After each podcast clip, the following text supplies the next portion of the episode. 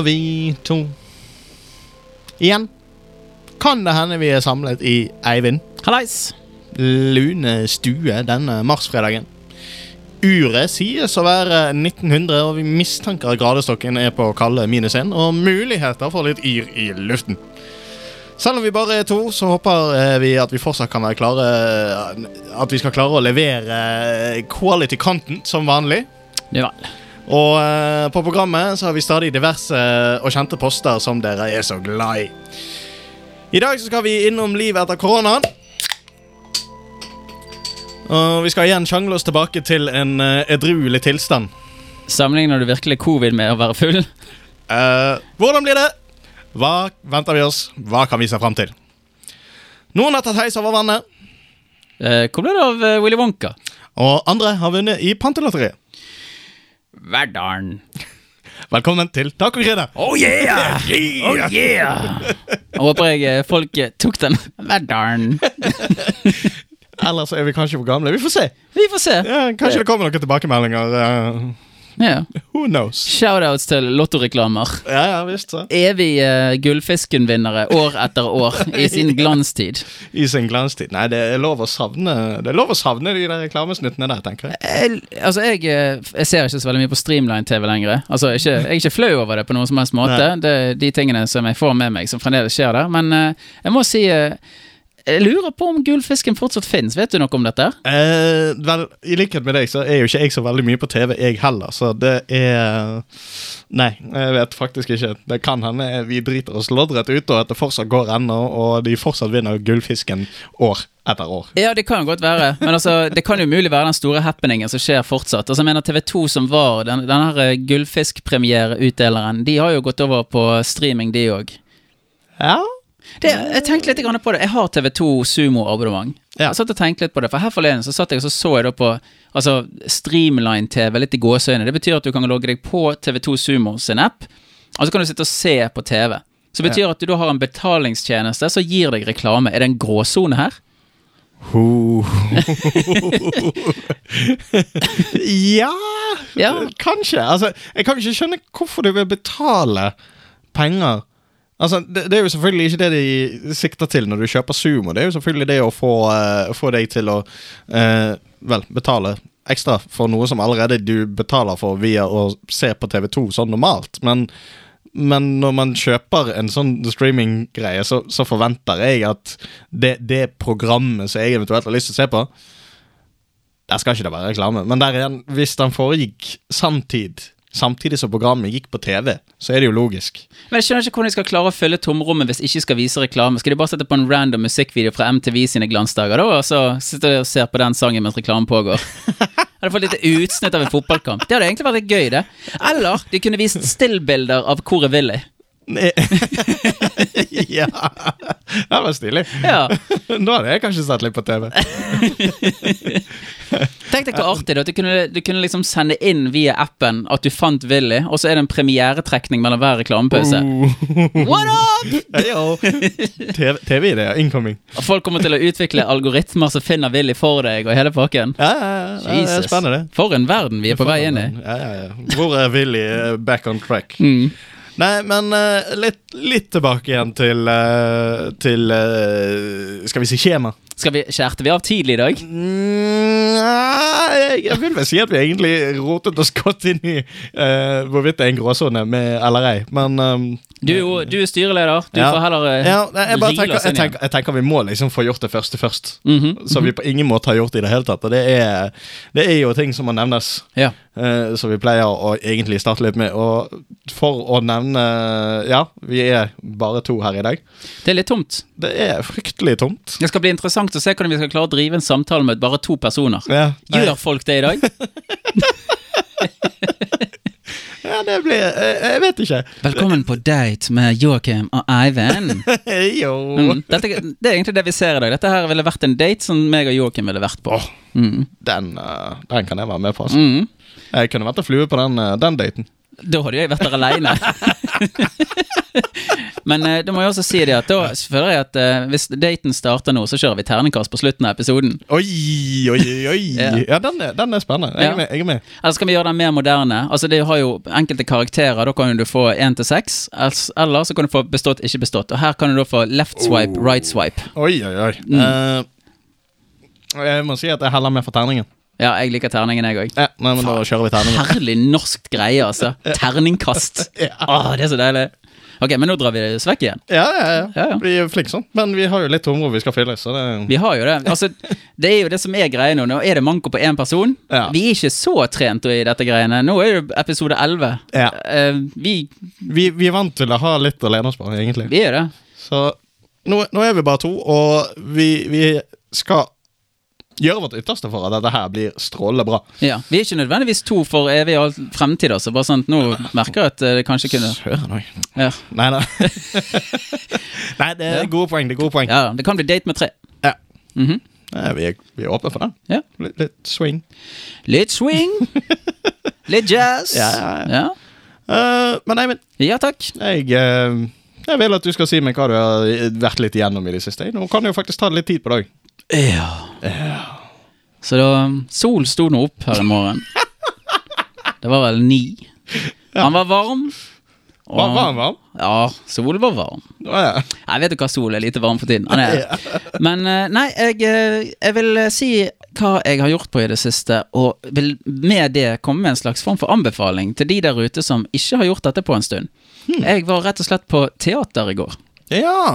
Også, Hvor, eh, hvor hvilket teater? Jeg var på den lille scenen, Uh, som uh, navnet forteller, er en relativt mye mindre scene enn den normale scenen, som er da på uh, Nationale Teatret i Bergen. Ja. Den Og nasjonale scenen, altså. den nasjonale scene. Så den ja, der lille har du svaret jeg ville fram til. Ja, den lille nasjonale scenen, da. Um, og der så vi et stykke som heter Vaktmesteren, med tre skuespillere involvert. Og det var, det var helt på nervene hele tiden. Altså, det var, det var en så ekkel stemning, men så god stemning. Skuespillerprestasjonene var skyhøye. Det var rett og slett veldig artig å, å se på. Handlingen var overraskende bra. Dette er jo en, eh, et nyere stykke. Det tok jo eh, over etter eh, Chopin, eller hva dette greiene heter, før i tiden. når vi hadde litt disse større tidligere teaterforfatterne. Så kom jo liksom på 1900-tallet så var det noen som tok over, og den Nå er det sånn lurt hvis jeg hadde kunnet navnet på han her eh, personen, men det kan jeg jo selvfølgelig ikke. Men når han tok over, da, så har han jo fått en sånn eh, kulturpris eh, og greier. um, som uh, du ser på en måte litt i måten stykket er lagd, at uh, her går vi på den simpleste måten inn i det dypeste kjernen av hvordan enkelte mennesker fungerer i en tidsalder som jeg ser for meg må ha vært tidlig 1900-tallet, et sted i England. Ja, Ja. riktig. Og det er komplikasjoner og de eh, eh, ytterpunkter på personligheter vi møter, og veldig forskjellige typer personligheter. Og du blir sjokkert og eh, sånn og underveis. Jeg, Ja. Men det, anbefalingen min er jo ikke nødvendigvis å gå og se dette stykket. Nei.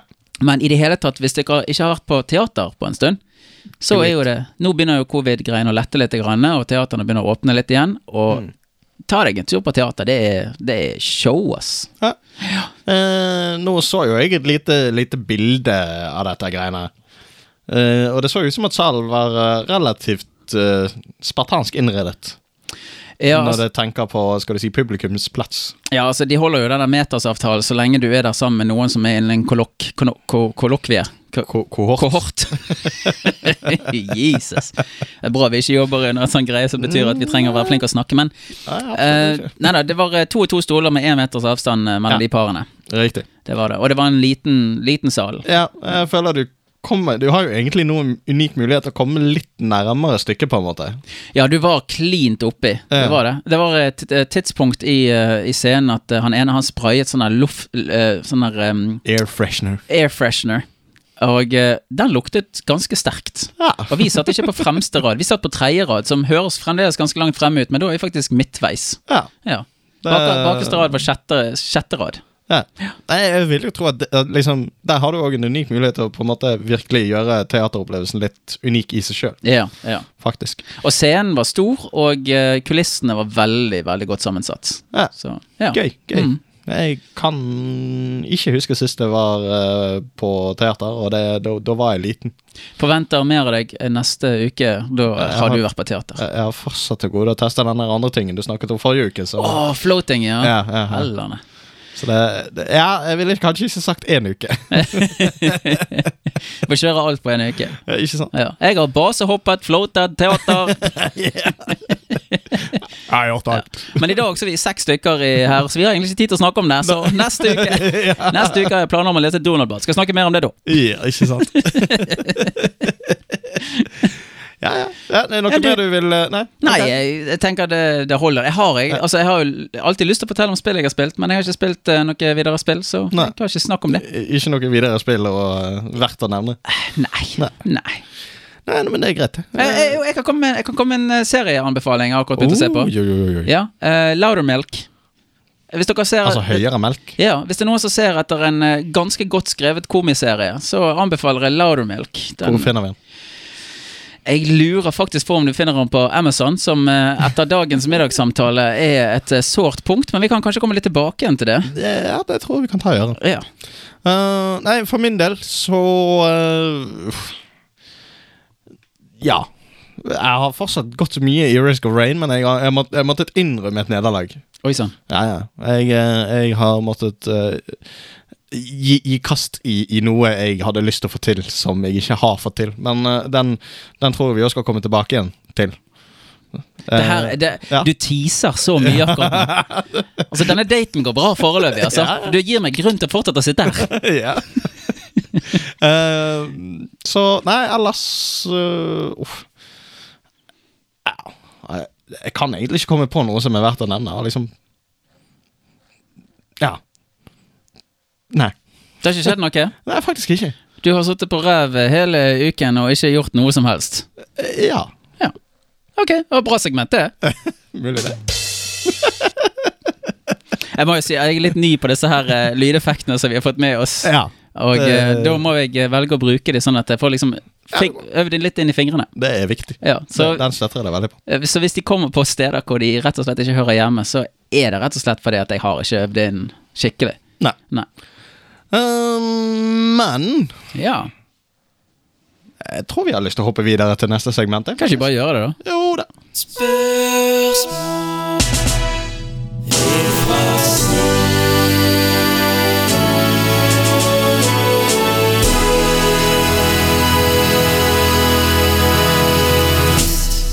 Spørsmål fra sist. Ja, Jeg er stadig like glad i denne introen, jeg, altså. veldig artig. Veldig artig. Nok å sovne til. Ja, det var, det, det var de nå.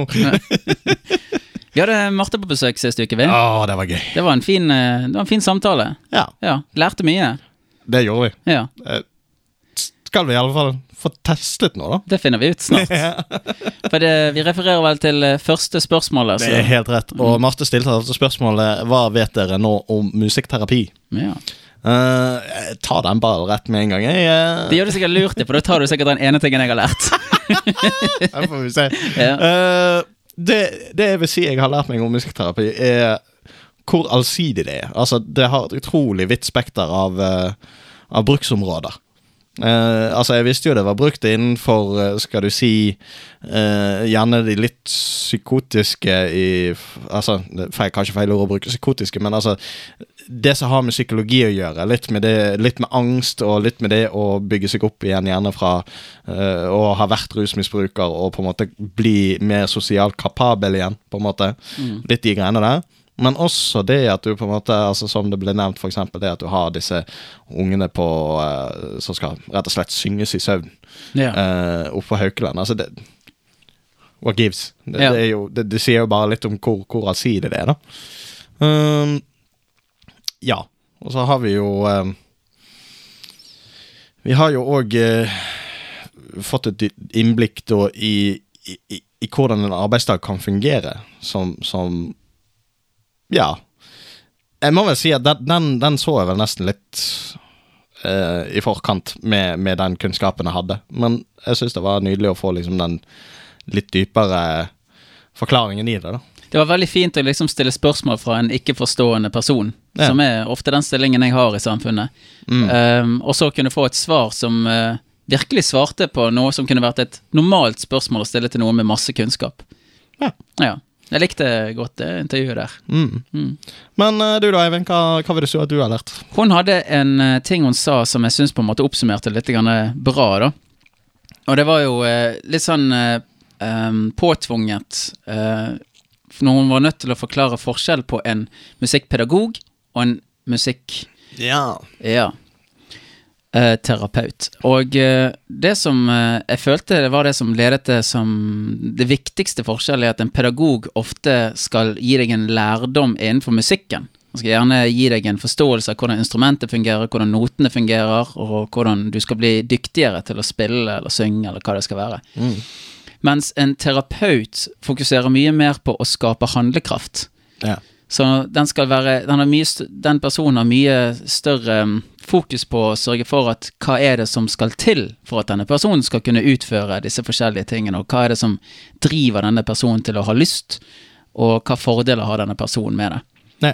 Og jeg syns Ja, det det- oppsummerte det ganske greit. Ja, ja, ja. Ja. Veldig, veldig flott ord, egentlig. Det der handlekraft. Handlekraft, ja. Ja, Jeg syns det er flott ord. Føler eh, handlekraft det kan også være hvis du skal gå i butikken og du bare har lov til å ha med deg bæreposer inn, så du skal fylle opp.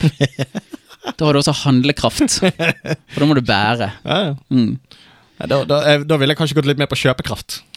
Men det er Eh, nei, det er, jo, det er jo hvor mye som er inne på kortet ditt. Ja, ok, sånn, ja. Mhm. Ja, ja. det var av. veldig, veldig spesifikt. Men der sklir vi av igjen. Ja, ja. Vi går De kommer når de kommer. Ja, ja. Du, du, du leker deg iallfall. Ja, ja, ja. ja, ja. Uh, vi hadde et videre spørsmål, og det var uh, uh, Cecilie, altså innsenderspørsmål. Uh, og da var det 'Hvilken sang er du flau over å ha digget en gang i tiden?' Uh, der tenker jeg du kan få begynne, Eivind. Det kan jeg gjøre. Så jeg vokste jo opp i de dager den dag da, når eh, vi eh, gjerne måtte gå flere kilometer for å komme oss til lagunen, avhengig av hvor langt fra lagunen du bodde. Men jeg bodde jo et par kilometer fra lagunen, da. Ja. Og der gikk vi ens ærend for å høre på CD-er. Og, ja, og måten eh, inntektskilden fungerte på på den tiden, det var veldig ofte samle løv og kvister i hagen til min farmor, Ja. og så satse på at du får noen kroner ut av det. ja. Og så måtte du anvende de kronene som du hadde fått eh, som eh, grunnlag av ditt stykke arbeid, og så bruke de på det som du følte var mest fortjent. Så når du gikk på lagunen og da skulle høre på disse tingene, så var det jævla viktig at det var greit anvendt. ja. Så var det denne tiden hvor Spice Girls kom ut. If you wanna be my lover. Det var jo egentlig den som gjorde det størst. Ja. Uh, og mm, det var en ganske stor prisforskjell på en CD og en singel. Egentlig så har CD-prisen holdt seg ganske likt i en ganske lang periode. Det var vel rundt en 170-160 kroner for en CD, Ja. og så var det rundt en 69 kroner for en eh, singel. Ja, Så det at du kjøpte gjerne ofte singler, for det var det du hadde penger til. ja riktig. Mhm. Eh, og det som preget topplistene på den tid, det var jo Wannabe, som du nettopp var så flink å synge. Ja. Så man skulle jo tro at uh, singel jeg kjøpte var Wannabe. Men nei. Men nei, det var det ikke. Og eh, det er jo en av de tingene jeg angrer litt på, men jeg likte jo låten likevel. Jeg kjøpte Say You'll Be There eh, fra, fra Spice Girls. Ja. Han var ikke i nærheten like god, men du har jo investert tid og penger på dette her. Jeg har jo vært på Lagune et par ganger og hørt på singel før jeg har funnet ut at jeg skal uh, bruke pengene på det. da Ja. og, eh, Så jeg elsket jo låten, men nå i ettertid så har jeg funnet ut at uh, jeg likte ikke den låten i det hele tatt. Jeg synes, bare sånn at det er sagt da, Når Cecilie stiller spørsmål hvilken sang er du flau over at du har digget Jeg har veldig mange guilty pleasures, men jeg er ikke flau over dem. ja, Sant. det er vel gjerne det, da. Ja, så, men den låten, Say You'll Be There, den er jeg litt flau over, da. Så det må jo være en av de eneste jeg egentlig har å komme med akkurat der. Eller, så altså, jeg tenker at Det var vel kanskje ikke det Cecilie var på jakt etter, men det var en fin tolkning av spørsmålet. Ja, ja for det at Jeg husker eh, Men det er det som er greia, jeg likte han ikke så godt. Men jeg hadde jo en kompis, han kom med tur fra London. Han dro mye lengre for å høre på musikk, han da. ja Og han hadde kjøpt si. med seg den bestselgende sangen i London på tiden, og det var introlåten til Teletubbies. Å, wow. Og det var jo lenge før Teletubbies kom til Norge, så da Ja. fikk jo jeg, eh, sånn hipsteren som jeg var, innblikk i litt eh, modernmusikken litt før han kom til Norge, da. Men jeg kan ikke si at jeg elsket han for alt han var. Han var helt Nei. grei. Ja. Ja. Eh, Jeg kan, jeg kan- hånd, med hånden på hjertet si at jeg husker ikke den sangen. Uh, men Tinky Winky, oh, ja, det greiene? Gypsies, Ja, okay, nei, det, det har jeg aldri syntes var spesielt bra. Men, okay. Lola Dope. Å ja, ja. men det var kanskje norsk og engelsk. Nei, nei, nei. nei. Uansett, eh, for min del, jeg, jeg, jeg har tenkt og knakt. Jeg har ikke funnet et eh, direkte svar til Cecilies spørsmål. Det jeg har endt opp med som fasit, er at jeg vet det er sanger jeg har sagt jeg ikke liker, og så endt opp i ettertid med å like de. Jeg har prøvd å finne ut hvilke sanger det var, men det har jeg heller ikke lykkes i, så det får bli mitt svar. Du, du, du svarer at ikke du har svar? Ja. Jeez. Kanskje én låt fra toppen av hodet? Ingenting? Ingen verdens ting? Her stiller vi spørsmål og bruker tiden vår, altså hele pakken, og så skal vi ende opp med å ikke svare. Dette håper jeg, dette håper jeg er historisk for våre steder, så at vi velger å la være å svare på spørsmål vi stiller. Problemet er det at i likhet med deg Altså du, du, du sier jo guilty pleasures, men altså, jeg har egentlig aldri virkelig hørt på en sang eh, og, og på en måte vært flau over å høre den. Nei. Eh, I hvert fall ikke så jeg kan erindre. Så det nærmeste jeg kommer, er at det har vært sanger som jeg har sagt jeg ikke likte, Mm. uh, men da i et, etter at det har gått en liten stund, funnet ut at jeg, jeg liker jo faktisk disse sangene. Ja. Men hvilken sanger det er ja, jeg skjønner. det, det, altså det, du du skal greie å huske hvilken sanger du har sagt at du ikke likte, for så greie å huske hvilken sang det er i utgangspunktet. Ja, ja. Nei, det er jo det er et vanskelig spørsmål. Jeg føler jo, jeg Ja. svarer jo feil på det i tillegg, for jeg er jo ikke flau sånn direkte. Fordi at jeg har ingen låter som jeg har likt en gang i tiden som jeg er flau over nå, da. Men jeg har låter som jeg på en måte sånn delvis har likt, mens Ja. jeg ikke kan fordra noe. Mye av det kommer fra 80-tallet. For eksempel uh, And I said, hey, yeah, yeah, Ja. hey. Ja, det er forferdelig. Jeg hater den låten, altså. For alt den er verdt. Helvete, jeg håper jeg aldri havner på en campingplass med alle de her folka skal drive og synge den i kor. Fy faen, jeg hater den låten. Uff, ja, den hadde vi i musikklassen. Uff, Oi, oi, oi. oi, oi. Den skulle vi spille på gitar. Ja. Men ja, nei um, Ja, så det er et dårlig svar, beklageligvis. Men Wannabe, jeg likte den sangen, liksom. ja. Så det Liksom jeg, jeg vil jo se for meg at det er kanskje en typisk sånn låt en gutt kanskje hadde skjemmet seg for å like, men jeg gjorde egentlig ikke det. Ikke så jeg kan huske, i alle fall. Nei.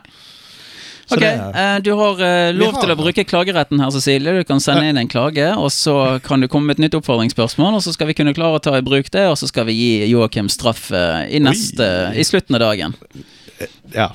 Um, jeg føler nesten det ligger på hennes plass. nå At det, så må hun få lov til å velge hvilken straff. Ja, ja, Eller iallfall ja. forslag til Hun kan, hun kan sende inn straffforslag, og så tar vi det opp igjen i neste episode. Det var en god idé. Helsike, Selvpineren Joakim kom med gode forslag her. Ja. Det må jo, må jo veie opp for meg. Ja. ja. Neste spørsmål er altså hva er det som skiller en gepard og en leopard? Kun feil svar er lov, og den var det du som presenterte, Eivind. ja. Er det jeg som begynner, da? Uh, Nei, vet du hva, jeg tror, jeg tror jeg har lyst til å begynne med den, for jeg føler at svaret det kommer til å være så mye mer legendarisk enn mitt. Jeg har ikke tenkt ut noe svar. Så det som kommer jeg, ut av munnen jeg bare har en feeling. Jeg bare Ja. har en feeling. Ja. Så nei, min, eh, min fasit er eh, Det som skiller de to, Mhm. det er Det er G og Leo. Ja. Enkelt og greit. ja. Men eh, det er jo det som skiller de to. Ja. Ja, Og eh, kun feilsvar er lov. Uh, ja. Så Men det er jo to forskjellige kattedyr. det er fremdeles et riktig svar. Ja. Du har så- ikke lov å komme med svar som er riktig. Helvete òg, det. Du må lese okay. og forstå oppgaven. Ah, balls. uh, ok. Gepard er en tanks. Ja. Og uh, leopard uh, Nei, leopard er en tanks, og gepard er en veldig ukjent sort for elefant. Det er helt riktig. Nei, det er feil. ja. Ja. Det, En leopard det er jo et uh, kattedyr som lever på savannen, som uh, er i panterfamilien. Og uh, den kjenner du igjen med at han har ringer istedenfor prikker, i motsetning til geoparden, som da også er et kattedyr, men ofte du finner i et advokatselskap, som da handler om eh, urett innenfor giftermål, og det kan være saksomkostninger og greier som har med eh, gaver, altså sånn gaver som skal ha skattefradrag og sånne ting. Der er det ofte du finner geparden, da. Akkurat. Ja. Ja, nei, men det er jo opplysende det å vite at eh, der jeg finner Var det leopard? Leoparden er en eh, kattedyr-panterfamilie med sirkler. Svart-sorte sirkler. Okay. Geparden, den er Ge- Geparden var advokaten. advokat, ja. Ja, så også lever i savannen. Uh, ja. Ja. Ja. ja, nei, men det Svill.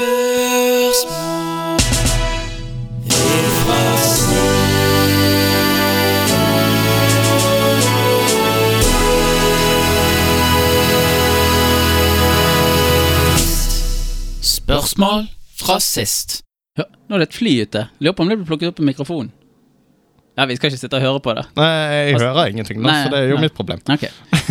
Jeg vet ikke hva du snakker om. vi kan eh, ta og ringe opp vår eh, korrespondent utenfor og høre om han kan ta og sikte mikrofonen opp i luften. ikke sant? Altså, Nei, uh, vi sliter ikke med fyllesendetid. Nei, sånn sett ikke. Nei. Uh, jeg, bare, jeg bare har lyst til å klage litt på at jeg syns det er irriterende hvor, hvor eh, kreativiteten og fantasien min svikta svikter meg. Jeg syns tanks var ganske bra, jeg. Men eh, det er ikke alle som tenkte det. Nei. Nei. Tank tanks. Ja, ja. Det, nå er det noe sånn at det er jo en tank som heter leopard. Nå er vi tilbake igjen her. Nå er vi tilbake igjen. Svarte du faen meg rett nå? Nei, ja Alternativt! Alternativt Du kommer an på hvordan du tolker det. Du tenker et kattedyr. Oh my Jesus. Oh my Jesus. Helvete, du svarte rett på ett av svarene, du. Sånn halvparten. Ja, ja. Det er godt du vet, vet litt om musikkterapi, da, i hvert fall. Ja. Ja. Vi får, vi får ta den. Trøste oss med det. Kanskje, kanskje jeg må ta noe musikkterapi for å finne ut hvordan jeg skal kun gi feilesvar.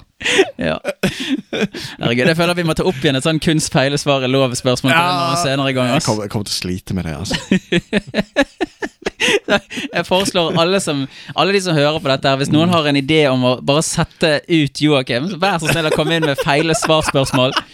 Sånn at vi bare kan få høre hvor gale denne verden kan bli. Ja, det, det. Vi kan fylle sendingstid med fem minutters betenkningstid. Vi skal sitte her helt mutters alene og stille og bare se på han slite med å hoste opp en løgn. høres ut som en nitrist episode, men òg sagt- så reell. Ja, ja. Du kunne sagt geparden er rund og leoparden er firkantet. Ja, ja. Jeg greide ikke det heller. Nei. Nei. Ja, ja. ja, men det er helt innafor, altså. Det er lov, det. Eh, Er det også. Vi er ferdig med segmentet. Vi er ferdig med segmentet, men vi har eh, et spørsmål fra lytterne som eh, vi glemte å faktisk ta opp i eh, forrige episode. Oh, shit. Så den er jeg veldig lei meg for. Det gikk eh, litt hus forbi å sjekke hvordan den var skrevet ned, mm. men vi har funnet den fram igjen. Så eh, til deg, Håkon. Du hadde et spørsmål med oppfølging da fra episode 9, hvor vi da altså var innom hva vi ville gjort hvis vi hadde gitt opp gaming. Uh, Er dette, vent er, er dette et spørsmål til et spørsmål? Ja. Wow. Ja, ja, ja. Ok, For episode 9 det var vel nostalgiepisoden, var ikke det det? Uh, det kan stemme. Det tror jeg nok. Ok, ja, men greit. Men uansett så var det jo spørsmål da i episode 8, som var uh, da besvart i episode 9, om hva vi hadde gjort hvis vi hadde eh, gitt opp gaming som hobby. Ja. Uh, hvorpå da Håkon har uh, det spennende spørsmålet er, er Er det noe kreativt å spille, eller gir det bare mer følelsen av å ha gjort noe? Fordi selv har han aldri tenkt på gaming som kreativt utløp. Jeg følte jo vi eh, har svart på dette spørsmålet på et tidspunkt, egentlig. Men, eh, men vi kan godt gå litt i dybden på det. For jeg, jeg syns dette er et superinteressant spørsmål, så vi kunne sikkert lagd en hel episode rundt. Mulig. Spørsmålet er megabra. Ja, det syns jeg òg. og jeg for min del jeg vil si at ja, gaming kan være kreativt. Det kommer an på hva du spiller. Altså, Minecraft er jo blitt et sånt her spill som lærere har begynt å oppfordre Høyst ungene sine til å spille for å liksom Ja, pirke litt borti den kreative nerven. absolutt. Mm. Og det, det er der jeg mener du har disse survival-spillene, der hvor det handler om å være uh, Ja, eh, survival, creative survival, whatever. Du har Minecraft, du har Factorio, du har dels Subnautica, du har uh, Ja, det er tonnevis av titler der ute med skal du si kreativitet i fokus. Ja, ja, ja. Og det Ja. Du, du, du får et utløp for kreativiteten ved å lage ting i spill. Absolutt. Og ja, eh, det er jeg, jeg er glad i disse spillene, f.eks. Faktorio, sant? der hvor du lager egentlig en svær automatisert maskin for å, komme deg av en planet som du har krasjet på. Ja. Uh, og det er liksom Ok, du, du skal få båndene til å gå der og der og der, og du skal utvide denne fabrikken. Og hvordan gjør du det? Samtidig skal du drive forsvaret mot noen sånne monstre som kommer og angriper basen din fordi at du driver og forurenser planeten deres. Ja. Sånn, Så det er litt sånn Ja, jeg syns det er et kreativt utløp for meg. ja. Så Kreativitet er litt grann eh, tungt og ladet uh, ord i tillegg. Jeg syns det er litt vanskelig å definere hva er kreativitet. ja. Altså eh, Å se en film Er du kreativ når du ser en film? Ikke mye, tror jeg. Nei, jeg vil Men du, ikke si det. men du skal jo gjøre deg opp visse formeninger i hodet, f.eks. hvis du ser på en detektivserie. da Ja. så, du, så, så ser du liksom at uh, kanskje den personen hadde et formål med hvorfor han skulle gjøre sånn og sånn, og sånn, og da må du være litt sånn kreativ for å klare å finne ut hva som kan ha skjedd her. Ja. Og liksom pusle brikkene sammen, da. ja, godt poeng. Ja. Så eh, ja. Men det er et kreativt utløp i spill, absolutt. Der fins veldig mange eksempler av det, Ja, ja. jeg. Så det vil jeg Men- si. Men det kommer an på hva du spiller, selvfølgelig. Ja. Men jeg, jeg vil ikke si at du får liksom kjempemye kreativt utløp i, i Call of Duty. Nei, men vet du hva? Jeg tror kanskje du til og med får kreativt utløp der òg. Ja, Fordi at hvis du skal gjøre, grad. ja, skal gjøre et taktisk angrep, Ja. så skal du klare å finne ut at du skal eh, løpe over den haugen der borte, eller du skal gjemme deg bak treet, du skal vente på fienden, eller du skal gå imot fienden. Altså, du må jo gjøre Ja, ja, ja. så du skal Men det, jo det gjøre valg. Det er korte, korte, enkle, små beslutninger. Mm. Men jo da, det er jo en form for kreativitet, det òg. Det skal være med på det. Ja. Men uh, det, det, jeg vil ikke si det har det samme kreative utløpet som Ja, Minecraft. Det hadde vært veldig stilig å se en kre veldig kreativ person eh, spille Tony Hawk. Du kjenner til skatespillet? Ja, ja. Og så en veldig lite kreativ person spille Tony Hawk. Og så se hvem som klarer å gjøre de det lengste trikset, da. Mm. For det, Tony Hawk det er jo veldig sånn ofte knytte sammen uh, forskjellige typer triks. Så du kan gjøre en ollie på en vegg, og så kan du eh, raile en, uh, et gjerde, eksempel. Og så Ja. kan du gå ned på bakken, så gjøre noen triks der. Og så må du liksom klare å se retningen og ta, av, uh, ta beslutningen ganske kjapt hvordan du skal komme deg videre. Og det er en Ja. slags form for kreativ sti du er nødt til å lage ganske kjapt. Ja. Nei, jeg, jeg, jeg støtter deg, men jeg ville kanskje tatt vekk uh, akkurat den der uh, Se hvem som fikk den lengste komboen. Bare egentlig å se uh, to vidt forskjellige personer i forhold til kreativt utløp, da. eh, hadde reagert opp mot hverandre. Ja. Bare hvordan hadde de prøvd å finne ut nye ting, eller hva hadde de gjort for å nå målene som spillet har satt til deg, og sånne ting. ja. Jeg tror det kunne vært interessant nok å se på, riktignok i en Uh, tilklippet film, ja. for å ta det litt uh, Ja. kort litt ned på, på hele prosessen. Å si det egentlig, det, det samme gjelder hvis du spiller RPG-spill. Når du skal liksom bygge en karakter, og så får du liksom så og så mye hva enn det du samler på for å klare å bygge opp egenskapene dine. Ja. Og så må du velge liksom en, en gren ut i egenskapstreet ditt. Mm. Og da må du liksom tenke deg frem til at eh, jeg har lyst til å være en person med disse egenskapene. Det er jo og da, jeg til, da trenger jeg litt styrke, og så trenger jeg litt magi, eller hva søren disse her spillene inneholder. Ja. Og da er du også på en kreativ ferd, men du sitter ikke på slutten av dagen med et nytt maleri. Du gjør jo ikke det, men jeg mener at uh, uttrykket kreativitet skal jo ikke være lukket til noe du kan skape på den måten. Det er jo mye mer enn film, musikk og, Ja. og, og maling og sånn, Jo, og jo. Sant nok. Ja. Men ja, ja, jeg tenker eh, vi har svar på denne, og vi hopper videre til neste segment. vi gjør det altså. Ok, da gjør vi det.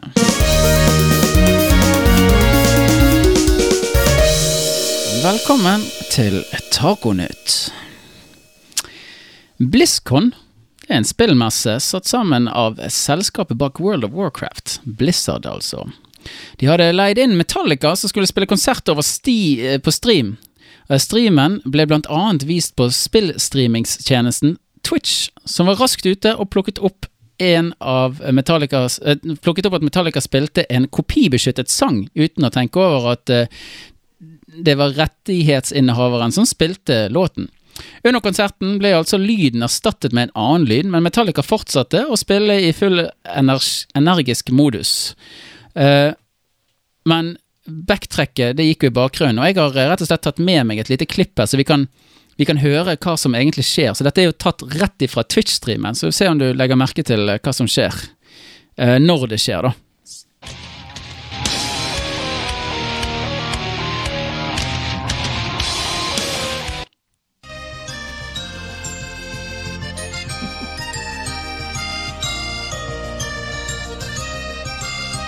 Ja, la du merke til det? Hørte du når, eh, hørte du når det forsvant? Eh, jeg vet ikke om jeg er helt sikker, men kan det være Jeg syns kanskje jeg hørte trommene forsvant litt. Grann. Trommene gikk jo litt vekk, det Ja, gjorde de. ja. Det gjorde de.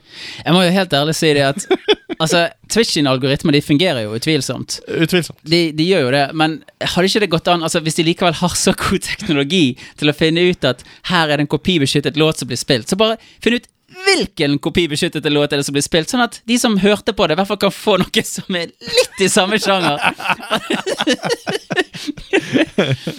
Ja. Ja. Nei, jeg, jeg må jo si at jeg synes jo nesten det er litt herlig at de får smake litt sin egen medisin òg, på en måte. ja, men Altså, jeg, forst, jeg, jeg, må forklarere den, fordi at jeg støtter at de har eh, eh, kopibeskyttelse, at de skal få pengene de skal ha for sånne ting. Men problemet er det at dette her er jo bevis på at hvis noen covrer en låt, altså de spiller musikken sjøl, så er er ikke det noe de kan kreve penger på. Men Så du vil aldri kunne se noen covre en Metallica-låt på Twitch. Nettopp pga. den algoritmen. Så jeg syns jo den er litt herlig, og liksom at de får eh, smake litt på sin egen medisin med, med den kopibeskyttelsen på godt og vondt, på en måte. Ja, de kan egentlig ikke klage. Nei. Og eh, Twitch har egentlig eh, tilrettelagt en eh, måte du kan si fra om at du skal spille en konsert på, og så kan de sørge for at algoritmen ikke plukker det opp. Men det er en søknad du er nødt til å legge inn flere måneder på forhånd. Ja, det er, det er jo altfor mye arbeid for gjerne noen som bare har lyst til å Ja.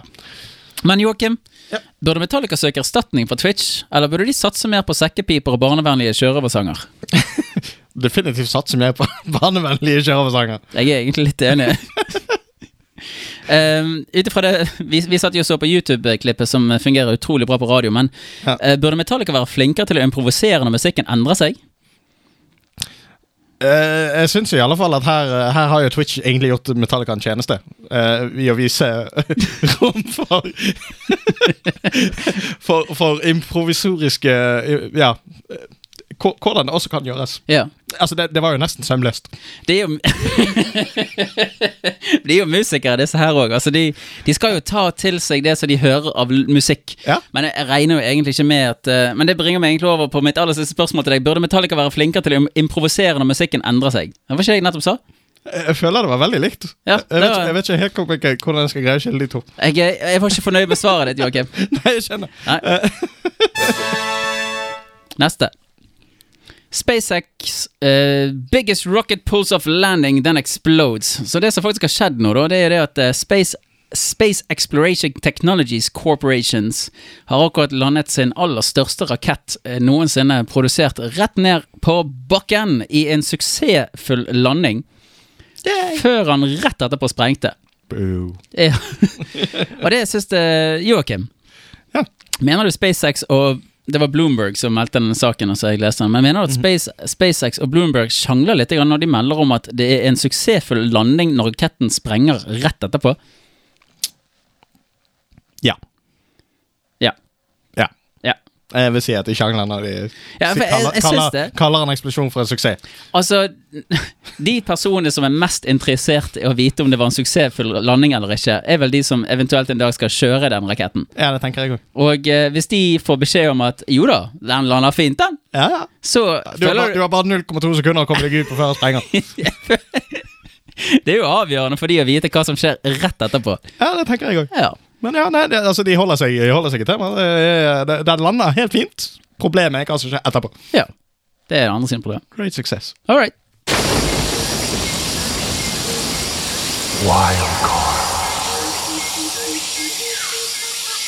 I uh, Wildcard i dag så har vi uh, rett og slett tenkt å ta opp noen uh, eh, lydfiler som er sånne Hva heter det for noe? Um, optiske Hva blir det? det sy, synlige illusjoner? Nei, lyd... Synsbedrag Sy, for hørsel. lyd, lydlige illusjoner. Lyd, lydbedrag. Lydbedrag.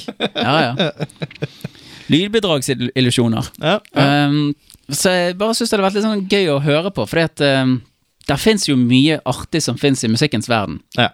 Og så har det skjedd en del uh, gøye ting opp gjennom tidene som, uh, som rett og slett har eh, eh, liksom blitt sånn forsket på liksom kom frem til. Litt sånn som alle disse synsbedragene som vi ser. Ja, Men at det- Ja, Men at det finnes lydbedrag, det syns jeg er litt grann artig. Ja. Så jeg hadde litt lyst til å bare vise litt sånn forskjellige ting som eksisterer, da. Og da tenkte jeg skulle begynne med The Shepherd's Tone, for de som ikke har hørt det. Så uh, se om dere legger merke til hva i all verden det er som skjer her.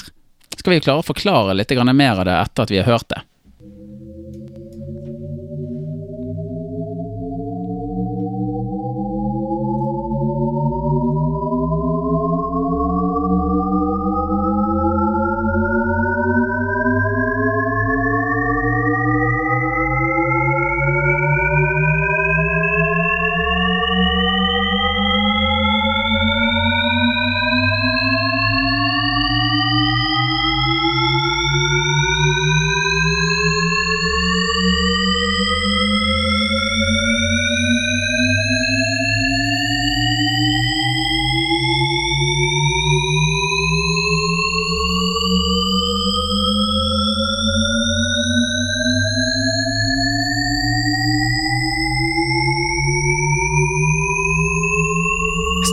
Stopper, han der, jeg. ja. Men jeg vet ikke om det var lenge nok. Det jeg vil si det var veldig lenge nok. Det var veldig lenge, men du må på en måte komme litt inn i det. sant? Ja, ja, Du skal sitte der og bli litt plaget av Men, det. men det som var litt kult Ja. Jeg tror det er første gang jeg har greid å faktisk høre eh, fasiten.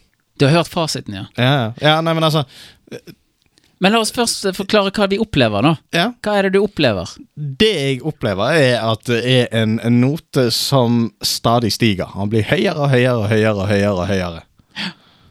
I pitch. Ja. Ja, ja det er riktig. Men, altså, men, så, men så går han ingen steder. Nei. Nei. Det, det er jo ikke sånn at jeg må ta av meg eh, høreklokkene fordi at det blir for høyt her. Nei, nei, nei. nei, nei, men han, altså, han, han går liksom Han blir lysere og lysere, Ja. og så fremdeles så har ikke han gått noen steder. Nei. Han blir der hele tiden, selv om han blir lysere og lysere. Yes. Ja, Og det var akkurat det. Jeg, jeg greide å høre en ny start. ja du gjorde det, ja. Ja. Ja. Og det var det som var gøy. ja. Eh, for det har jeg egentlig aldri gjort med disse Shepherd's Tones-greiene før. Nei. Uh, det er jo som poenget med denne lydillusjonen uh, at det høres ut som at han er alltid på vei oppover, på Ja. et vis. Ja. Og, og denne her greide jeg faktisk å høre plutselig en, en, hvor han begynte på den mørkeste tonen, for han endrer vel egentlig aldri tone. Um, Akkurat den her driver kanskje og, og Den endrer note, da. Ja, den endrer jo note, Ja. men du kan si det er de samme notene som går igjen og igjen på et vis. Det Ja, ja. Jo, du, du eh, har på en måte rett. da. Så det som skjer her, hvis, du, hvis vi prøver å forklare det på en enkel måte, det som skjer er at du har en grunnleggende note som begynner i en pitch, la oss si en C. Mm. Og så går den rolig oppover og oppover. Og så begynner en annen note et par oktaver lenger nede. Ja. Og så fade, enten fades ut den lyseste noten, eller så eh, blir han så lys at ikke vi hører han lenger. Men en parallell note da stiger da i, i nøyaktig samme tempo. Altså Hvis han har en oktav, så det da, da følger de oktaven under mens de stiger oppover. Og da blir det veldig vanskelig å finne ut eh, hva er det som egentlig skjer. Og så kommer det ny en på bøen, og så ny en på bøen så ny en på, og så fortsetter det bare sånn i all evighet. Og vi har Vi kan jo bare ta et kjapt eksempel her i tillegg, hvor vi hører en som går nedover.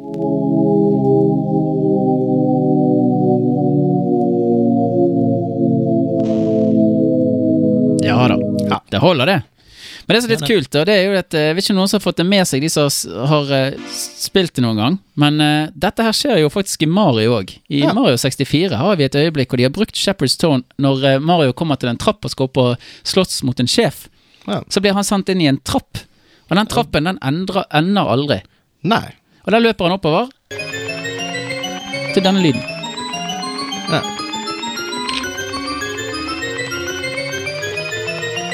Den trappen kan du aldri komme opp i før eh, Det kan du du faktisk er klar for det, eller har fullført det du trenger å fullføre. Jeg husker ikke hvordan det var akkurat i det spillet. Ja, det er helt riktig. Du kan løpe oppover i all evighet. Det kan du. Eh, men vi kan gå over til en annen sak som jeg syns er litt stilig. Den er litt ny for meg. Det er noe som heter en Reset Rhythm. Kan Vi kan høre litt på den, og så kan du se etterpå om du har klart å finne ut hva som skjer der. Ja.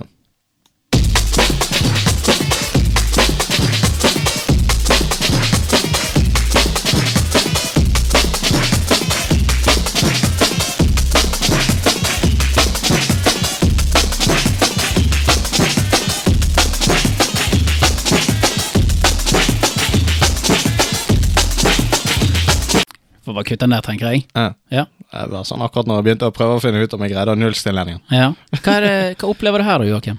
Eh, jeg opplever at takten øker. Ja. Tempoet øker. Ja. Ja. Det er akkurat det jeg eh, opplever. Men det er vel akkurat det som er den eh, Illusjon. Ja. Ja. Det- er der magien ligger, vet du. ja, ja, ja, ja. Denne tror jeg er litt mer komplisert, måten den er lagd på. Fordi at uh, Den er litt avhengig av mange ting. Det ene er at der begynner en takt i bakgrunnen som går mye saktere. ja. Men det er ikke så lett å spille en sakte takt oppå en rask takt og få det til å funke. Men det går jo tydeligvis sånn.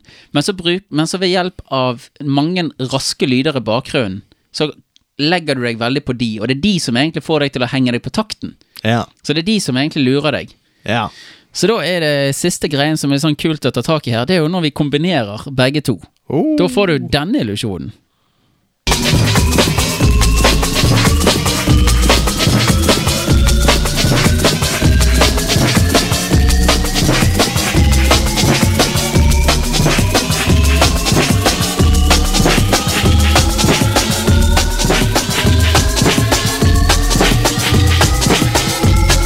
Absolutt noe å sovne til, det òg. Lykke til, jeg hadde blitt gal. Ja. Nei, men det er gøy. For de der ute som lurer på hva det vi har eh, nettopp hørt på, så er det altså Shepherd's Tone og Risset Rhythm. Og uh, mye gøye illusjoner innenfor lyd i tillegg, som kanskje ikke alle var klar over. Nei, jeg må jo få lov til å nevne det at uh, første gang jeg hørte om Shepherd's Tone Jeg har ikke hørt om Risset Rhythm, Mhm. men uh, Shepherd's Tone har jeg hørt om. og den ble faktisk introdusert for i eh, forbindelse med at jeg så en liten kortfilm om akkurat Shepherd's Tone i forhold til Dunkerque. Ja vel! Ja, det er ja. der. I uh, filmen Dunkirk, Ja. regner jeg med. Ja. ja, men så stilig. Der har, eh, er det Simmer som har musikken der. Han har altså brukt den der. Ja. Steike. Ja, ja, ja. Segment ferdig. Segment ferdig.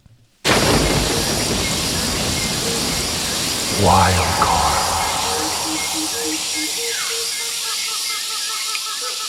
men det var gøy å få et lite innblikk i, i de tingene òg. Jeg syns det var litt artig. Altså, Ja. synes sånne ting som det er kjempegøy. Jeg. Ja. jeg tror jeg kan bruke så mange timer på å sitte bare foran PC-en og bare ja. Gi meg lyd som jeg ikke forstår meg på.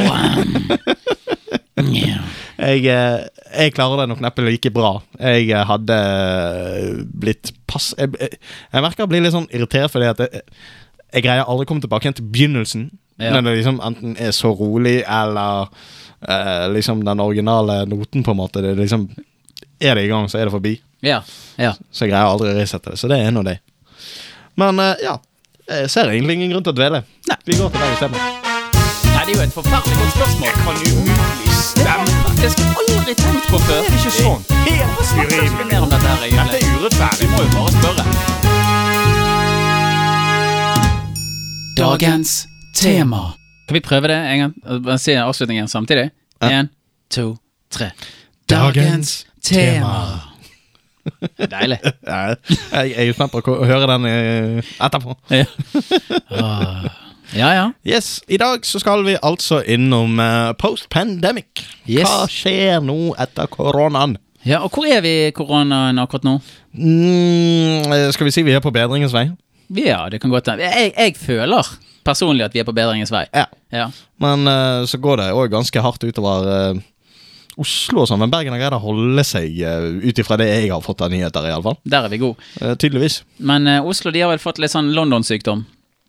Eh, enda, enda en uh, runde med den eh, britiske mutanten. De er absolutt på Teenage Mutant Ninja British. Uh, mutantvirus i Oslo. Det er vel uh, Syns jeg leste et sted om at eh, her må folk rette meg, ass. Ja. Dette er ikke et informasjonsprogram, dette er en slags form for underholdningsprogram. Eh, men jeg mener jeg leste at eh, 80% av virusene nå er britisk Ninja Turtles eh, Ja. mutant. Mutant Virus. Yes. Yes. Mhm. Nei, det er meget mulig. Ja. Men eh, til tross for det, så har jo vi begynt å rulle ut litt eh, vaksiner. Vi har jo det. Ja, de eldre har fått. Alle på sykehjemmene har vel fått i Bergen i hvert fall. Alle syke, altså sånne sykepleiere og eh, folk over 85 og de som eh, er i farlig stilt situasjon, veldig farlig stilt eh, situasjon, har vel Ja. fått. Ja. Jeg har ikke så gode detaljer, det har jeg ikke. Det eneste jeg har kommet over som kanskje kan være relevant, det er at eh, det var noe forskning fra Israel, for de var de som var kommet lengst i forhold til å vaksinere folk, og det viste seg at eh, Eh, ja, de regnet med at hvis du hadde ca. Eh, 33 av befolkningen eller noe der omkring Nei. Jo, 30, 30 ja, no, no, noe, noe rundt 33 eller noe sånt eh, av, av eh, Skal du si individer vaksinert av totalanløpet, så ville du- man raskt se en drastisk nedgang i, i smittebølgen. Dette var jo en gladsak blant de sjeldne. Ja, ja. Eh, men dette var jo eh, statistikk som var framvist av Nordea. Altså vi snakker om Nordisk. Bank og Nordea. Eh, men de benyttet seg og brukte tallet fra Israel, som er en av de som har vært tidligst ute Ja. og raskest på å drive med vaksiner. Men Og jeg vil jo veldig gjerne ta vare på gladnyhetene. jeg. Jeg har jo jeg har litt savn av å se noe litt fint nå for tiden. For det har jo gått Det har vært ganske mye jævlig i siste tiden. Men samtidig så stiller jeg meg også litt sånn på siden og tenker at er nå dette de riktige personene som skal gå ut med informasjon? Og Du ville heller hatt det fra FHI, tenker du? Ja, for det, både FHI og uh, her, dette her uh, apparatet vi har her i landet for uh, medisin, virker jo fremdeles ikke helt de, Altså, de er ikke home free ennå, føler jeg. Nei, nei. Og de virker ikke så optimistiske når det gjelder akkurat dette med 30 de heller. Nei, det, det var nå bare, skal en si, eh, litt hvor, hvor ståa er fra min side, da. Men eh, ja. Ja. Eh, hvorvidt dette her er reelt eller ei, det har jeg ikke lagt meg opp i. Så jeg tenker bare at eh, ja, hvor, hvor vi er, det, det er der vi er. Vi er altså på vaksinasjonsstien. Det kan hende ting eh, bedrer seg betraktelig om ikke så lenge pga. noe forskning som kanskje kan hinte om at uh, smittebølgen uh, vil få et kraftig stopp uh, allerede ved relativt lave vaksinasjonstall. Ja, og så ser vi det Altså, det er en ting jeg ikke helt har skjønt, og det er jo vaksinasjonstiden som vi har her til lands. Mm. Er den begrenset av antall vaksiner vi klarer å få inn i landet? Eller er han begrenset på antall eh, medisinsk personell som kan gi vaksine? Du spør en som eh, hadde særs lite å komme med om hvor vi var i forhold til uh... Der er vi gode. Ja. Men det, det som jeg også ser, det er at senest i dag så kom det vel ut en nyhet om at denne russiske vaksinen var jo nettopp blitt godkjent i tillegg. Ja. Så det betyr at uh, der kommer flere og flere vaksiner ut på markedet. Ja. Og da lurer jeg på om dette handler om penger eller personell, eller hva er det som er greien, egentlig? Altså, Det kommer jo litt an på. ja, det kommer jo litt an på. Det, For nå ser jo det ut som det er vaksiner rundt omkring. ja, Ja. Men i starten så var jo det sånn Det kom det nyhetssaker om at Norge de hadde jo Lenge før vaksinene var utviklet, så begynte jo Norge å si det at uh, vi har rett på så og så mange vaksiner, og Erna var uh, tidlig på TV-en og sa at uh, kan ta det helt med råd at når vaksinen kommer, så har vi allerede reservert så og så mange flere millioner eh, doser med vaksine. Og så kom tiden, og så kom det nyhetsoppslag senere som sa de at uh, vi har ikke tilstrekkelig med vaksiner. Og da tenkte jeg, hva skjedde med den nyhetssaken? Hva skjedde med de vaksinene? Godt spørsmål. Ja. Og så er det en annen ting jeg lurer litt på. Ikke for å dra oss altfor langt vekk, men det var det at i starten av hele dette greiene Altså når denne her dugnadsarbeidet, som vi så fint kalte det her, her til lands, begynte, så var det snakk om å verne om de eldre og de svake i samfunnet. Men nå er jo de vaksinert. Ja, mange av de. Mange av de, om ikke Altså, ja, jeg vet ikke vil ikke tro alle. Nei, altså det kommer an på hva du sier om el hva, hva vi mener med eldre, da. Men jeg mener jeg har sett at vi er ferdig med de som er over 85, og de som er på sykehjem, og de som er svake i samfunnet. De mener jeg har sett skal være ferdig. Og da er liksom Da er de svake i samfunnet ferdig. Ja. Da er jo vi home free. Da er det bare til å begynne. Da er det åpent igjen, da. Mm, ja, det, jeg tror ikke Altså, du, du har kanskje tatt de svakeste, da. Ja, ja. Så da har du de som ikke var fullt så svak Mm. i, i neste pulje. Kan ikke være hyggelig å være den puljen for å vite at uh, du trodde ikke du var svak, men du er faktisk svak. Skal vi si svakere? Ja, ja. Er det Nei, det? Jeg er enig med det. Ja. Nei, jeg, jeg har som sagt ikke noe veldig god eh, oversikt over dette her med tall og statistikker, og jeg tror det kan ligge litt i at eh, jeg ikke oppsøker de nyhetene sånn altfor mye, for eh, det er litt lettere å på en måte bare holde driven i gang og liksom bare vente på beskjeden om at nå Nå, nå, nå er det greit. Nå, kan, nå er vi såpass godt vaksinert, alle, alle som trenger å være, eller noe sånt, sånn at nå trenger vi ikke ha så veldig mye restriksjoner lenger. Føler du at du ikke du trenger å lese nyhetene om, eh, om pandemien lenger? Eh, jo, jeg vil jo si at jeg gjør det. Men du kan si hvor mye av det er interessant lenger. Ja. Sant? Og så har du, du Jeg føler det er mye som har gått på repeat. Mm. Uh, så det er ikke så veldig interessant å liksom lese om det du allerede har lest Men Så det kan jo hende jeg er gjerne inn på en artikkel, og så leser jeg noe, så kommer jeg egentlig aldri ned til det som kanskje var hele poenget. Hva vet jeg. Ja. Uh, men men jeg, jeg syns at uh, nyheten liksom Jeg, jeg vil iallfall tro det at når, når nyheten kommer om at nå nå kan vi begynne å åpne landet, eller uh, noe Ellers er vel nyheten om at jeg skal ta meg en sprøyte. I motsetning til bildet du postet, så er ikke det noe jeg nødvendigvis gleder meg til. Å ta med et smil. ja. Eh, så Nå er ikke vår aldersgruppe i det hele tatt inne på planen. Nei. Vi, eh, alt vi vet, er at vi skjer en eller annen gang etter august. Og det er det som skjer. Ja. Om det er i år eller til neste år, eller hvor tid det måtte være, det har vi ingen oversikt over whatsoever. Nei da, men eh, Så det er liksom Jeg tenker Bare for å holde Bare holde meg rolig i båten, egentlig. Bare kommer nyheten at nå Nå er det forbi. Ja. Så, så, eh, så, så skal jeg være glad når jeg får den, men jeg liksom lese sånn Ja, det kan hende at nå eh, blir det kjempebra. eh, Det blir full sommerferie på alle. Så eh, Ja. Ja, tar vi det litt, tar vi det litt rolig? Altså, blir, altså, hvordan blir vi egentlig? Altså, når, når går staten ut og sier nå er alt åpent igjen? Hvordan forventer vi transaksjonen her, og når er vi tilbake til normalen? Hva er Nei, det er det, det, det, jeg ikke vet. Det er vel det vi snakker om, ikke det da? Jo, det er jo det som er tema. Ja. Men jeg vet jo ingenting.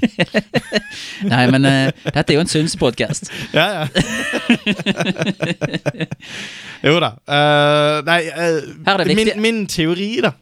Min teori må, må bli det at Ja, jeg tror det kommer et tidspunkt der hvor staten sier det at nå er nå, nå hever vi mesteparten av restriksjonene, eller Uh, Eller i motsatt tilfelle så er det sånn Nå forsvinner de siste restriksjonene.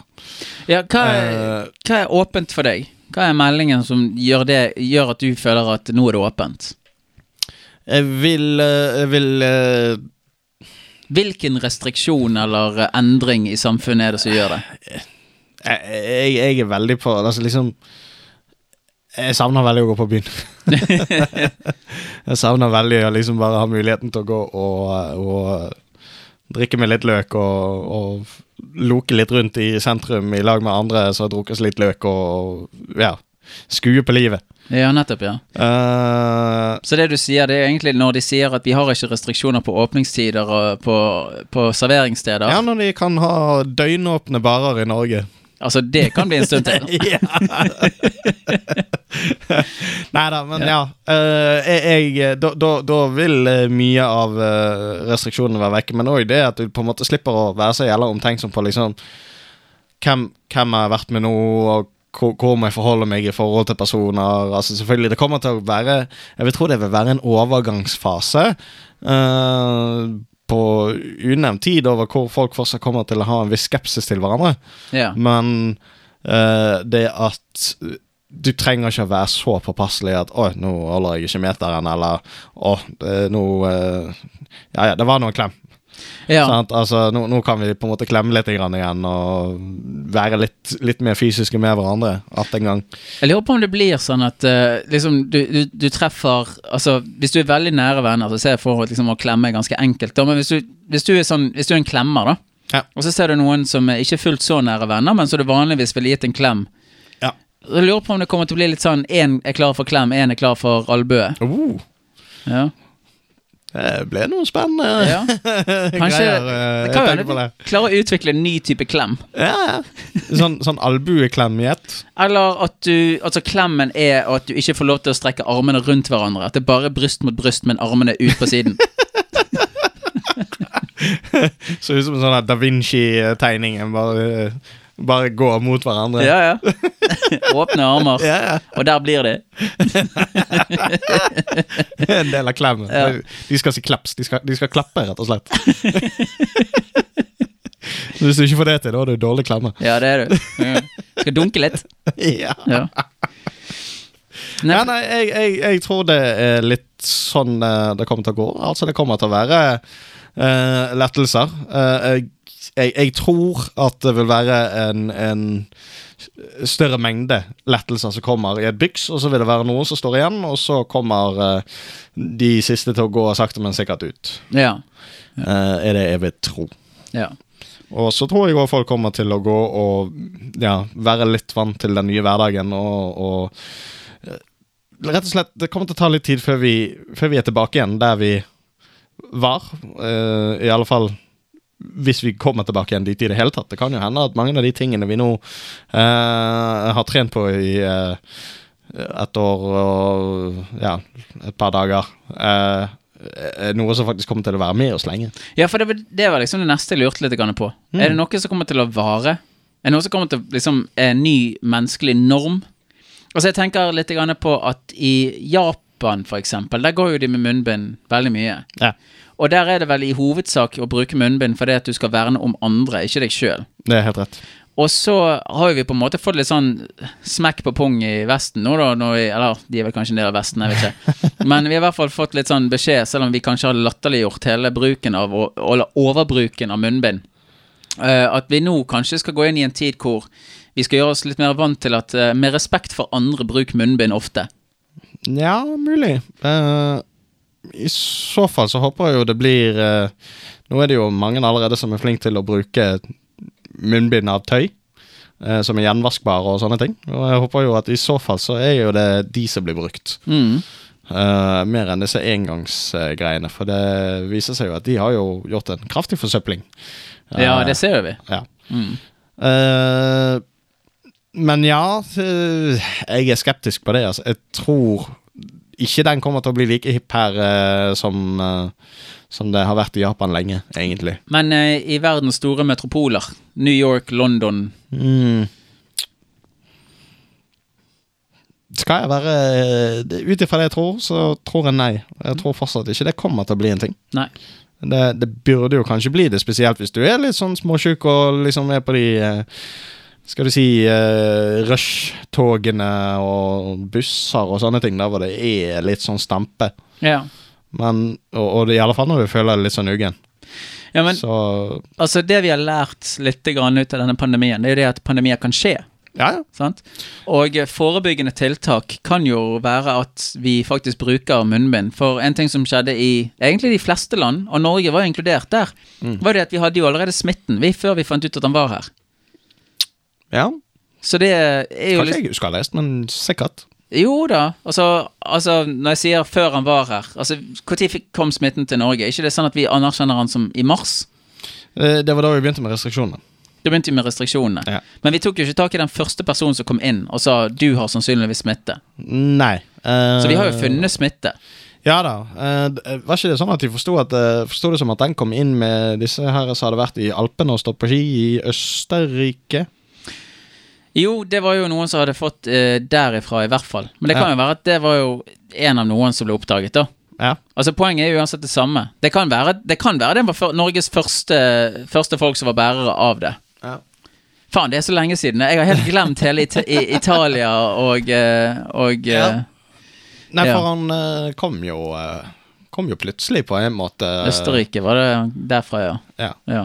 Eh, men det er det jeg mener å huske å ha lest, liksom I alle fall som vi kjenner til som Patient Zero, men det kan jo ha vært andre som ikke nødvendigvis Nå reagerer jo folk veldig forskjellig på disse, her, så det, du kan si noen eh, var kanskje såpass tidlig at de både ikke eh, egentlig hadde noen særlige symptomer, men også eh, var bærere, eh, før egentlig Norge begynte å bli litt bekymret for hva, hva dette var for noe. For vi visste jo at altså, allerede i desember så var det jo liksom klart at ok, her er det Nå, nå er det faktisk et utbrudd i Wuhan.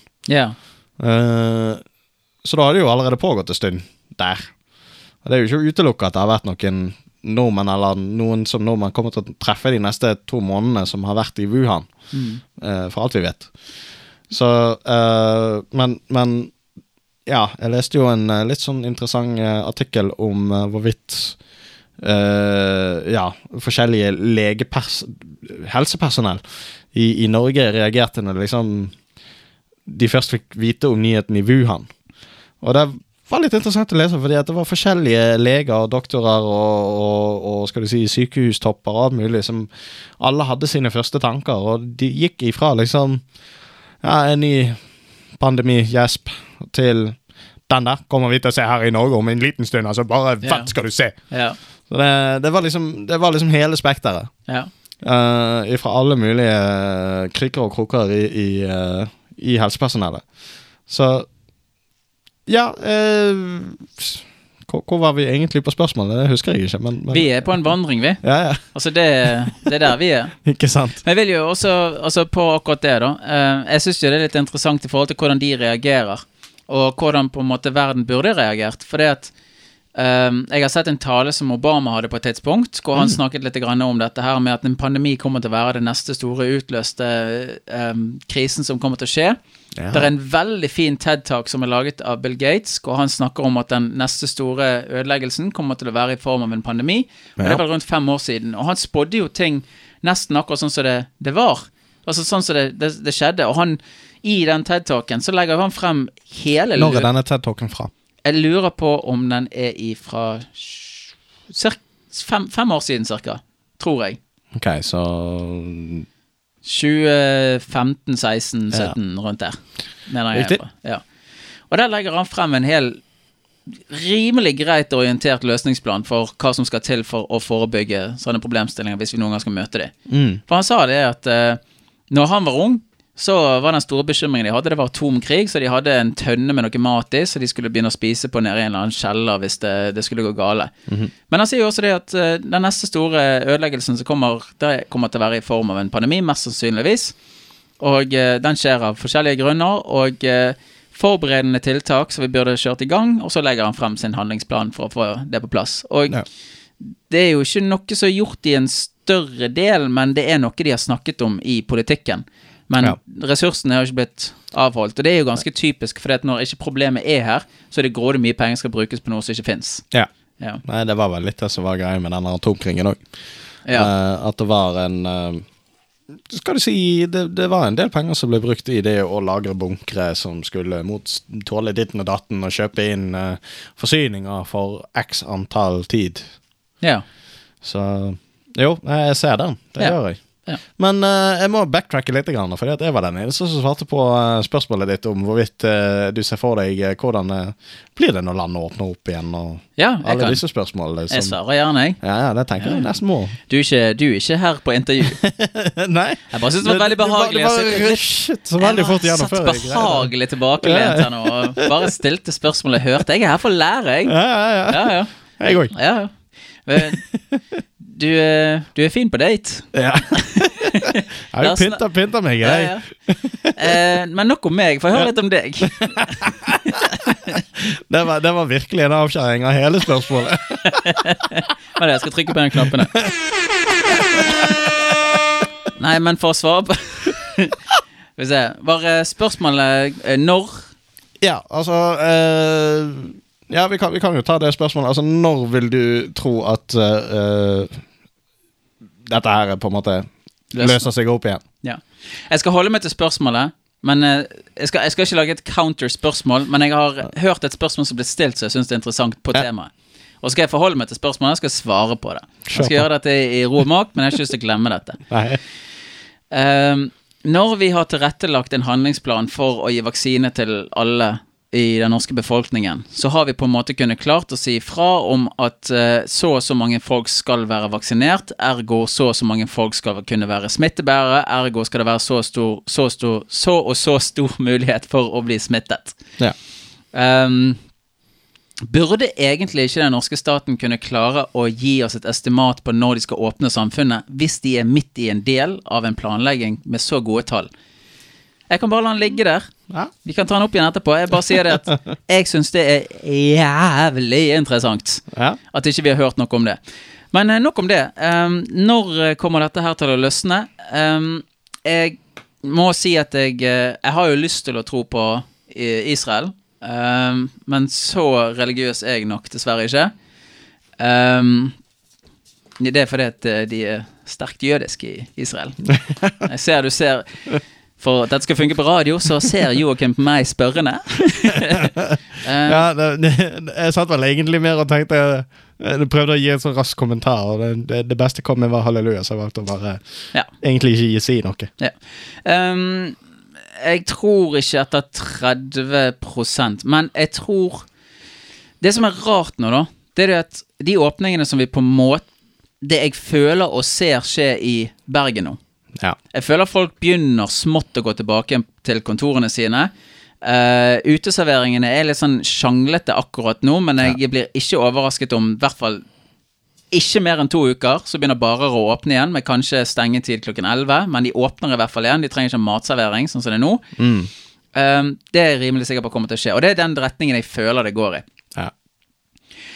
Men så har du Oslo samtidig oppi dette her, ja. hvor du ser at til og med når utrullingen har skjedd såpass mye som det har gjort, så sliter jo de så bare juling. Og så kommer denne her eh, andre alternative viruset inn, og så kaprer byen, og så går det plutselig veldig fort. Og det vi er interessert i, og det vi har jobbet for her, er vel å sørge for at vi ikke skal bli for syke og ta ned helsesystemet. ja. Um, med det argumentet, sant, så virker det som en høy prioritering. Ikke ta ned helsesystemet. ja. Så vil jeg si 45 vaksinert. Du, du ga så saklig svar, ja. Eh, Jeg vil, jeg vil jo bare poengtere nå at eh, det var ikke sånn at jeg mente at eh, landet ble åpnet på 30 Mm. Uh, På ingen måte. Jeg, jeg forholder meg egentlig ikke til noe sånn prosentvis heller. Nei. Uh, men anslagsvis så Ut ifra det jeg har fått av, uh, av inntrykk og sånt, så jeg vil tro at kanskje i løpet av slutten av året så har vi kanskje greid å komme inn i en eh, mildere hverdag, på en måte. Jeg tror masker forsvinner om en måned. Oi! Ja, jeg er veldig uh, optimistisk der. Oi! Ja. Ja. Ja, ja. Jeg tror, uh, jeg tror kanskje vi nesten overbruker masker litt allerede. Det er litt teit å si, kanskje, men uh, um, veldig smart å verne om hverandre når det er en pandemi ute og går. ja. Men til tross for eh, at det er en pandemi, så er faktisk ikke smittetallet er ikke så jævla høye. I hvert fall ikke i Bergen. I hvert fall ikke i Bergen. Uh, og hvor mye man blir smittet som et følge av at du ikke brukte maske, det vet jeg ikke. For jeg har en følelse at smitten den skjer på fester eller ved nærkontakt. Mm. Jeg tror ikke det er fordi at du var på kjøpesenter. Jeg tror det er veldig lite smitte som skjer på, eh, på kassen på kjøpesenteret. Ja, nei, jeg, jeg er veldig usikker på hva som egentlig er den store smitteveien i dette her. Den, den har jeg aldri greid å kartlegge. Den tror jeg ikke vi kommer til å få noe svar på med det første Nei. heller. Jeg tror ikke vi kommer til å få svar på den på en veldig lang stund. Nei. Uh, for det var jo i starten så husker jeg det var noen greier om liksom uh, smitten uh, Koronaviruset holdt seg i live på forskjellige typer eh, materiale, da altså plast og metall i stort. Eh, da var det da altså kunne leve alt mellom 3 og 30 dager. Eh, Så du da kunne få det Du kunne ta på noe og derav bli smittet. Og så var det jo plutselig så var det jo snakk om at han var luftbåren, og så var han ikke luftbåren, og så var han kanskje ikke så luftbåren som, som man først hadde tenkt, men luftbåren lell. Ja. Masse sånn fram og tilbake. ja. Um, så ja, hva som er den egentlige eh, smitteveien, den, den den, den har jeg aldri fått helt kontroll på. Det, det gjør det jo litt vanskelig å si liksom, hva, hvor, hvor kan vi legge Skal vi si Baldø? ja. Når, når er vi tilbake? Og så er det liksom et menneskenes natur å, ha, å ønske svar på ting. Ja. Og nå er vi i en situasjon hvor vi rett og slett ikke har de. Og det gjør det veldig vanskelig å, å liksom finne ut hvem skal vi legge skyld på. Hvem er det vi skal klandre for at ting er sånn som de er. Og det er jo rett og slett at de folkene som er overordnede, de som avgjør hvordan landet skal styres, de vet jo litt for lite. Ja. Sant? Så Sånn er det i hvert fall. Ehm, jeg hadde litt grann lyst Er du ferdig? ja jeg fikk vel de, de svarene jeg var på jakt etter, Ja. Altså, iallfall jeg husker. Ja, ok. Eh, jeg har litt lyst eh, Jeg gjorde bare et eh, kjapt søk her med noen overskrifter. Ja. Eh, eller en oversikt. Eh, fordi at eh, en av de tingene som han Gatesen snakket om, da, det var jo det at dette var veldig sannsynlig at det kom til å skje. ja. Og vi visste jo ikke om koronaviruset på den tiden, så en virusutbrudd i det hele tatt Eller, vi visste om koronaviruset, Ja, greit, vi visste om uh, men ikke, ikke 19-versjon. Nei, stemmer. um, men uh, det vi um, Helt riktig. Men um, Det vi visste, var at det kom sannsynligvis til å komme et eller annet. Ja. Og da tenkte jeg at det er litt sånn artig å gruble litt på hvorfor er det sånn at vi nå plutselig har fått en forståelse for at vi er så klar for at det kommer til å skje pandemier? Altså hva som har skjedd i den siste tiden som gjør at vi nå kan forvente å se pandemier i framtiden? Hmm. Sant? Når ble det plutselig en problemstilling? og siden både han og Obama og, og sikkert eh, Fauci og hele gjengen er alle sammen enige om at eh, dette bør vi være forberedt på, så har ikke jeg helt skjønt det. Så jeg gjorde et søk her, og så har vi, har vi en liste over eh, fem ting som i hvert fall kan være noe, Mm -hmm. uh, som er global reise. Som Ja. betyr at uh, vi reiser mye mer, vi har større nærkontakt med uh, andre folk over Ja. land. Det kan jeg være med på. Ja. Det betyr vel sannsynligvis også at smitte som allerede befinner seg i en region som er litt temmet, kan reise ut av den regionen. Ja. Og for så vidt andre veien òg, at du har enkeltindivider som er der og kan ta med seg tilbake. Ja. Eh, Veien er generelt kortere i dag enn den har vært noen gang, egentlig. Ja. Eh, Eller 2019, da. Ja, Avhengig av hvordan det går med Norwegian-selskapet. ja. ja, nei, men altså, det er, jo, det er jo helt klart mye mer fly. Um, eh, og båter og trafikk generelt. Du har cruiseskip der hvor det er nye folk som kommer inn fra hver port. Uh, alle disse går jo og mingler i ja, samme Skal vi si sausen. Ja. Uh, så det er jo mye, mye mer sånne ting nå enn det det har vært tidligere. Ja. Absolutt. Um, urbanization regner jeg med at uh, de egentlig mener eh, tilflytning. Det betyr vel sannsynligvis sånn, ja. ja. Ja. Så uh, byer gjerne blir større, flere folk innenfor samme sted. ja, ok. ja, er det urbanization? Ja. Ja. ja, nei, da er det akkurat det. Folk, folk driver og flytter fra distriktene og inn i store byer. Ja. ja. Og så kommer det en litt rar en fra sidevinkel her, som klimaforandringer. Eh, hvorfor skal klimaforandringer egentlig ha noe som helst med dette å gjøre? eh, ja. Jeg har et må, må, må jo si at jeg er jo ikke noen ekspert, men uh, skal du si uh, det, det, det Nå har jeg ikke konkrete eksempler, dessverre. Men det er alltid eh, det, har jo, det er jo mange beviser liksom på at små temperaturforskjeller har store ringvirkninger. Eh, det blir litt for varmt, noen fisker dør eller flytter habitatene sine. Eh, du har eh, noen små temperaturforskjeller, og alger i havet har plutselig endret seg radikalt fra én type til en annen. Alt dette her vil jo føre med seg Skal du si Smitten Virusene har jo en form for levemåte som er liksom å formere seg mest mulig, de òg, på en måte.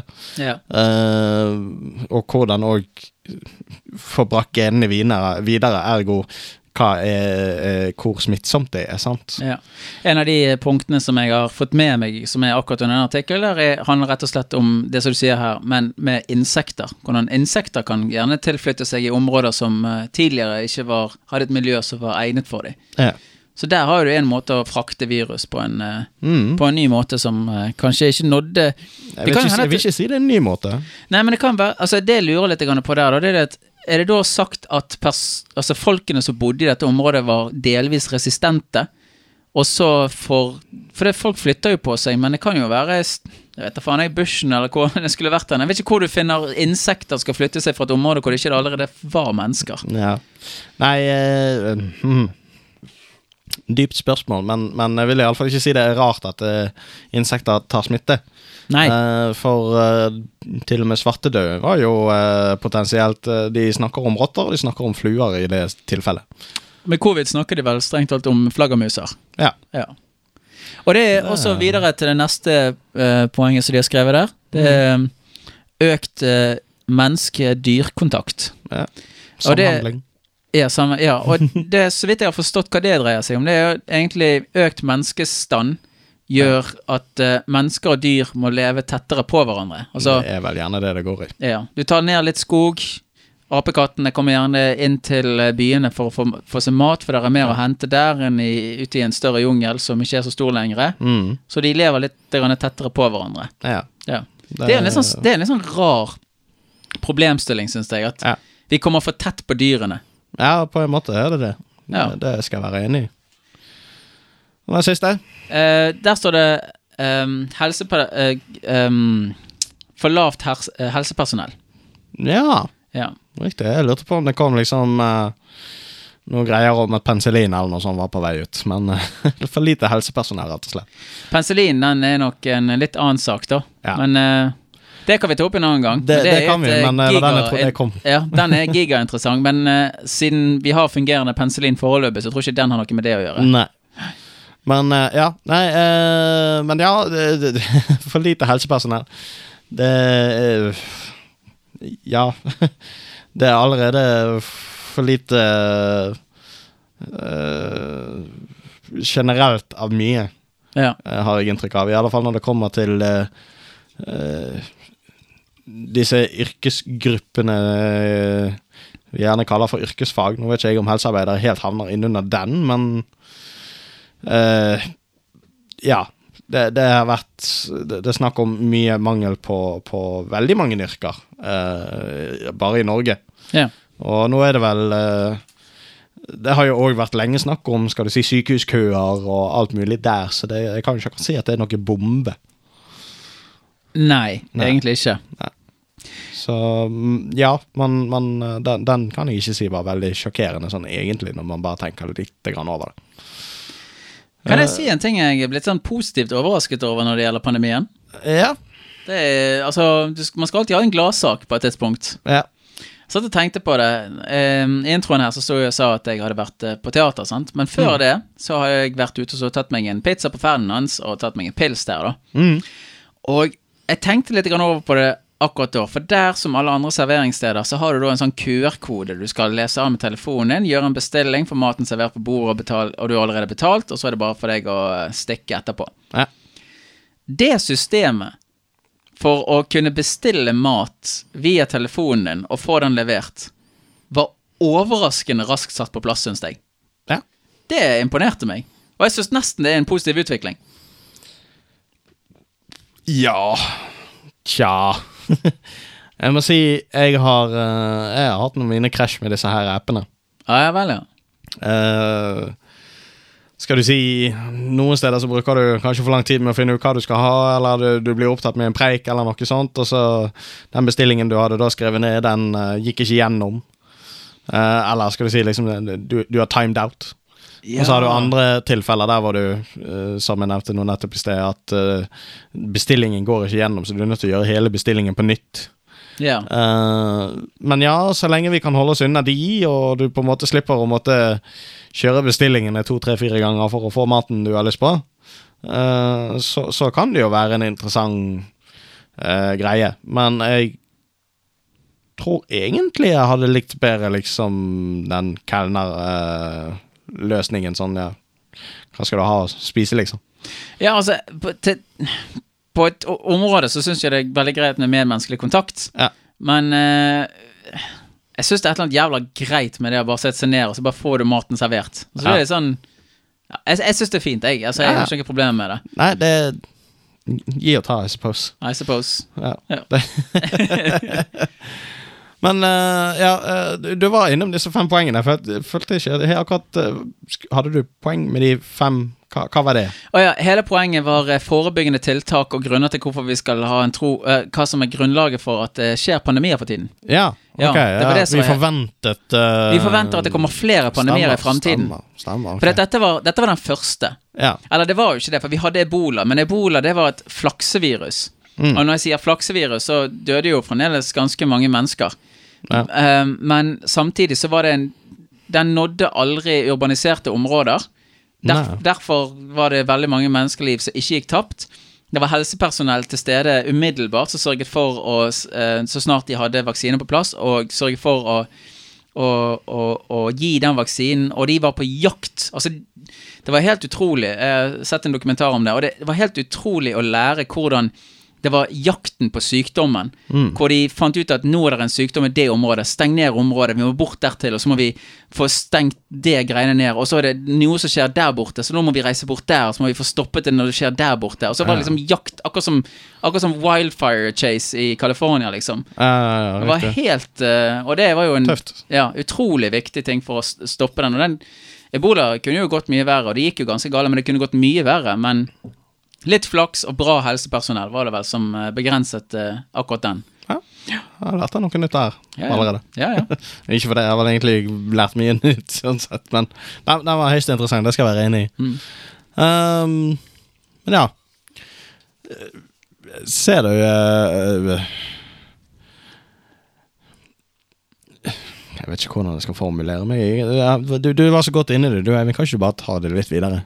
Ja, jeg kan fortsette, jeg. Men altså, um, en ting som jeg syns har vært interessant når det gjelder akkurat denne pandemien, mm. det, det har jeg synes også på sidelinjen, for nå lever vi i et informasjonssamfunn her, Ja. og ting blir slengt rundt som bare juling. Flat Earth. Og ja, Flat Earth er en av de. Men en av de tingene som jeg virkelig elsker, det er det at det begynte litt med disse her eh, 5G-nettene. Ja. Og så, Jeg vet ikke om det Jeg er ikke helt sikker på hva det er for noe. Om det er det at Bill Gates har spådd det, eller fordi at han sitter på så mye informasjon rundt det. Men så var det også denne her samtalen om at det var Bill Gates som ga ut eh, dette viruset. Jeg tror at tanken her er for å ta ned overbefolkningen.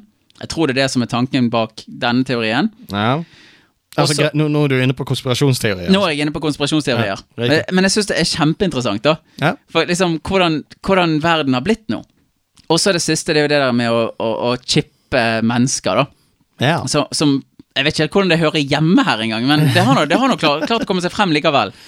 Og det siste, det, det, det er liksom det at de har koblet den ballen i, i en og samme boks, i en liten boble hvor, hvor Bill Gates har eh, sørget for å gi ut et virus som skal gjøre folk litt mer betroliget til å bli mikrochippet, så de kan diskutere med hverandre på 5G-nettet. Altså, Ja. når, når, når vi er klare å komme så langt inn i det, så tenker jeg at alt som har skjedd rundt konspirasjonsteoriene i en informasjonsalder som vi lever i, og det er så lett å gi fra seg informasjon, det syns jeg er kjempegøy å få med seg og interessant å høre på, og litt farlig, egentlig skummelt for samfunnet å vite. Altså, nå vet jeg at jeg har nevnt navnet Bill Gates veldig mange ganger, men han er veldig involvert i akkurat dette prosjektet her. Han og konen og deres eh, sånn her eh, Lille sånn barn med, med, med foundation-opplegget deres. Ja. Fond, ikke foundation. Det er noe du bruker i håret. Uh, og jeg syns han har et uh, Han har utrolig mange kule poeng å komme med når han snakker om disse tingene. Og så går du da ut liksom i en konspirasjonsteori mot han personen som skal gi deg tilstrekkelig med informasjon om bekjemping. Altså, du tar de som har evnen, viljen, kunnskapen til å hjelpe, og slakter de. Altså, dette er jo Dette er jo, dette er jo bite hånden som hater deg. Ja, ja, ja, ja. Eller dette er jo faen meg å bite hånden som kommer med, med, med antiviruset til sykdommen du sitter med. ja, ja, ja. Jeg, jeg, jeg fatter det ikke. Nei, eh, det, det, det er mange ting jeg ikke har forstått meg mye på her i verden. Og det er utrolig Den ene av de. Ja. Og selvfølgelig overbefolkning. Altså at noen har lagd viruset for å begrense overbefolkning, den er ikke så veldig vanskelig å strekke seg til. Der har jeg liksom Nei. Der har jeg lagd min egen sånn tøyseteori. Oi. Ja. Uh, dette her er jo ikke sannhet i det hele tatt. Jeg bare tenkte liksom som tøyseteori, så var det litt gøy å komme opp med. Ja. Vi starter med å vaksinere de eldre først, Mhm. og kaller de for de svake i samfunnet. Og så er jo det veldig mange folk som er litt bekymra for å ta vaksinen fortsatt, for de er redd for bivirkningene. Sant? Ja. Eh, og det har vel jeg sagt på denne podkasten en gang tidligere òg, at uh, jeg både har vært bekymret for å ta den, men altså jeg også tror at det kommer til å bli stigmatisert, den, Ja. altså den troen. Ja. Um, hvis det er sånn at, bivirk, at det kommer til å være bivirkninger som gjør at du blir sykere, i et samfunn som sliter med at det finnes flere eldre enn unge, hvor skattebetaling kommer til å gjøre det vanskelig, fordi at det kommer til å være en, eh, en yngre garde som ikke klarer å, altså som er underbemannet i forhold til å klare å betale skatt for å støtte de eldre Ja. så hadde det hjulpet både befolkningsstanden og økonomien å fjerne de eldre. Ja. Og siden utrullingen går over et halvtårsperiode, så kanskje du finner ut et sted midtveis at de eldre blir syke, og det var noe galt i gåseøyne med, med, med eh, vaksinen, og så slutter vi å gi vaksine, og så dør alle de eldre, og så øker økonomien, arbeiderne er de eneste som overlever, Aha. og så er befolkningsantallet nede. Ja. Ja. Ja, ja. Det, Det var, det var min ene tøyseteori. ja, ja, det var Det var jo en tanke. Ja. Den kan du få lov, den kan du få lov å poste på lugubert eh, forum hvis du vil. Ja. det blir gøy. Plutselig så kommer Eivinds teori bare skitende fram som en sånn der eh, fantastisk eh, plausible. Ja. Ja, nei. Eh, jeg var for så vidt eh, litt, eh, litt inne på nettet i, i um, Jeg husker ikke helt hva jeg skulle sjekke opp i, men det var iallfall svartedauden. ja. Uh, så det er jo den forrige virkelig store pandemien uh, vi er kjent med. Altså, hvis I du ikke tenker på ebola og svineinfluensa Ja, så nei, det, er, det er mange andre farlige sykdommer som har vært der ute, men pandemi på en sånn global skala har vi vel egentlig ikke vært borti siden. ja. Uh, og det som eh, jeg kom over, skjønner du Ja, for jeg var på jakt etter noe. Det fant jeg ikke. Uh, men men uh, det, det, som, det som jeg var på jakt etter, var eh, at de, de De har funnet De har mistanke til at svartedauden egentlig ikke var aleine. At det var to pandemier som gikk i ett. ja vel. Ja, Den ene var ikke dødelig, men den svekket immunforsvaret ditt, så du var lett mottakelig for svartedauden. Drittvirus, ass. Ja. Eh, og grunnen til at de tror det, er, var noe greier med at eh, i, i alle liksom eh, skrifter fra tiden, så var det ikke nevnt noe særlig om at rottene lå døde i gaten, som gjerne hadde vært logisk for den type viruset svartedauden var, da. Ja. Eh, og det, det, det virket liksom logisk for, for disse her eh, som, som hadde sagt det, da. At ja, det, det, det var liksom vanlig å, å skrive at nå eh, Altså, rottene ligger som døde i gatene, og, og folk har det ilt og ja, noe i den duren. Men det, det gjør ikke det. Det er liksom bare beskrivelser av pesten uten Men det ser ikke ut som at det har påvirket dyrelivet i nevneverdig grad. Nei. Sånn at eh, det er liksom Ja, ok. Det var uh, potensielt da to sykdommer. Men det andre jeg da kom over, det var rett og slett det at uh, Der var ikke det snakk om to sykdommer. Der var det snakk om at uh, det, det kanskje ikke Altså at svartedauden rett og slett har eksistert ganske lenge. Bare det at, skal du si hvor, hvor dødelig det var, gikk ned. Eh, rett og slett sikkert litt sånn med at ok, først så ble veldig mange smittet, og så ble, ble eh, de som var igjen, de var da enten resistente, og så var det noen som kanskje fikk en litt sånn seinere greie. Så det var snakk om en 300 års periode hvor svartedauden egentlig regjerte. Ja. Uh, og uh, det som òg var en greie, var hvor fort det hadde spredd seg. Ja. Fordi at uh, det, det, det, var, det var noe snakk om fluer, og liksom Det, det var Det er blitt påvist i områder hvor det ikke eh, var eh, fluer. Og så her kan jo hende det kommer litt sånn motsigende til det jeg nettopp sa om rotter, men det var jo snakk om rotter. eh, hvor eh, det rett og slett eh, Det er òg funnet på Island, men det var ikke rotter på Island på den tiden. Mm. Så liksom svartedauden var der oppe òg. Men der var det kalt for fluer til å egentlig eksistere. Så det liksom hva, hva var det egentlig? Ja. Ja. At det ikke var en, et, den type virus som man gjerne trodde. Ja. Så det, det, det kan jo hende at eh, Nå vet ikke jeg eh, Det er jo å gå tilbake igjen i gamle tidsskrifter og på en måte finne ut hva er svartedauden. Og liksom Men det, det, det tyder jo på at eh, det, det er noe vi kanskje ikke vet om akkurat den. Og da tenker jeg jo Er det noe vi egentlig ikke vet om koronavirusen? Sant? Altså, jeg har fortsatt ikke en liksom, god greie for hvordan smittes vi egentlig. Sant? Ja. Så mm, Ja. liten, liten konspirasjon fra meg der òg, da. Uten Ja. å egentlig ha noen eh, veldig spesifikke punkter på hva, hva ikke, og hvorfor. ja, dette er vel ikke luftsmitte, sånn sett. Det er vel det de kaller for kontaktsmitte, men kontaktsmitte kan jo være da gjennom spytt og, og, og, og pust og sånn. det da. Ja. Men uh, han er vel ikke så farlig som en eh, luftsmitte skulle være. Så vi, vi smittes jo ikke Så det er derfor de snakker om dette med å, å bruke god hå- håndhygiene og hudhygiene og hele pakken og sånn Mm. det. Det er jo eh, shoutouts til eh, rant nummer én som skjedde dette showet, som vi aldri fikk høre. Det er hvordan uh, jeg var ganske hissig og sendte mail til uh, Tide av Skyss og om hvorfor i all verden ikke de har dispensere på bussen. Så. Ja, ja, ja. Så vi gjerne kan gå inn på, på en et annet tidspunkt, for det var jo en, så en egen rant i seg sjøl. Men det er veldig mange ting som kommer til å skje i, eh, i eh, post-covid-tiden som jeg tror vi ikke har svaret på. En av de tingene det er folk som har blitt eh, traumatiserte. Ja. Der er jo, altså Psykologer er hemmet for tiden, og så er det det at nå har jo folk levd under en, en tid som de har måttet gjort seg vant til å leve under en konstant frykt, og så skal du komme deg ut av den tiden. Ja. Så kan du ende opp med Nå husker jeg ikke ordrett hva det heter, men det er en slags form for uh, um, kronisk uh, Hva det heter for noe? Kronisk dramatisk syndrom.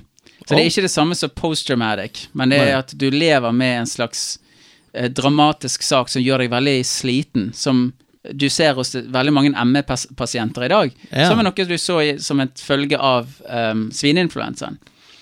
Men her trenger ikke du nødvendigvis ha vært smittet for å få det. Nei. Her kan det bare ha vært en ganske kraftig belastning som setter seg som et lite spir i hjernen, som eh, driver og stresser deg resten av livet. Ja. Uh, med mindre du klarer å overkomme det på et eller annet vis, da. Men det Dette her belager seg Og dette er ikke for å undersnakke ME, for det har jeg veldig stor respekt for, men det belager seg på um, Hva det heter for noe når du, du tror du er syk, men du er ikke syk? Uh, hva er det det heter igjen nå? Ja. Det, det er flott fancy ord som jeg burde kunne. ja. Faen, for life! yes. Men det er sikkert veldig mange som kjenner at det er placeboeffekt etter det. Ja, det er det. Eh, Det var gjort en eh, undersøkelse av en situasjon som skjedde på et postkontor i England, eh, hvor det kom et, en pakke inn på rullebåndet, Ja. og i den pakken, som veltet, fløy det ut ganske mye støv, altså det som så ut som noe hvitt støv, da. ja. Og det var veldig mange folk som var på jobb den dagen. Og på den tiden når dette kom ut, så var vi, levde vi i en periode hvor vi begynte å sende antrax rundt omkring til person til person i konvolutter. Ja. Og selvfølgelig var det de tenkte på postkontoret, at dette var antrax, så det var en person som begynte å klø Ja. på halsen. Og det var 40 personer som ble innlagt på sykehuset. Og alle sammen med symptomer.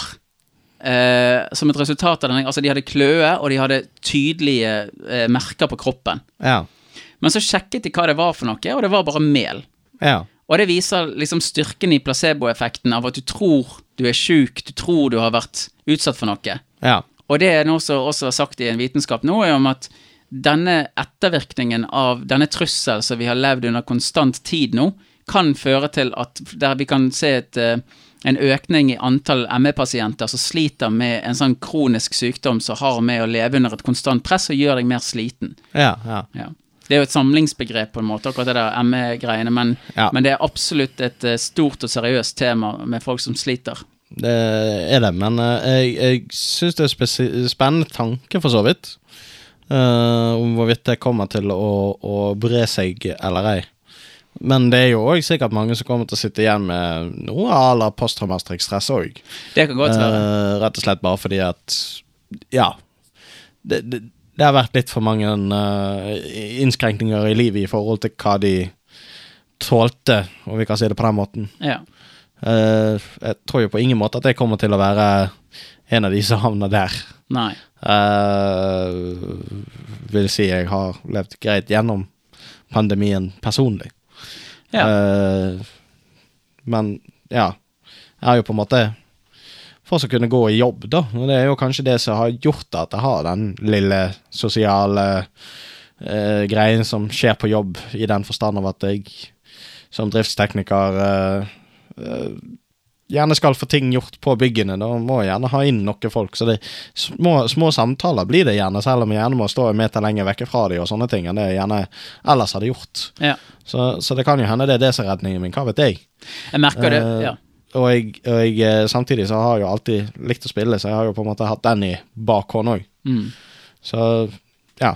Jeg merker det med, med hjemmekontor i denne perioden her, så er det faktisk eh, de gangene jeg går på kjøpesentre hvor jeg ser folk med maske, så er det eneste gangen jeg får en fysisk påminnelse om at det er noe som skjer her. Ja. Annet enn det, så er det jo egentlig verden sånn som den går. Ja. Men vi, vi lever jo en fin tid sånn sett. Altså, det eneste vi skal være Vi skal jo være kjempefornøyde.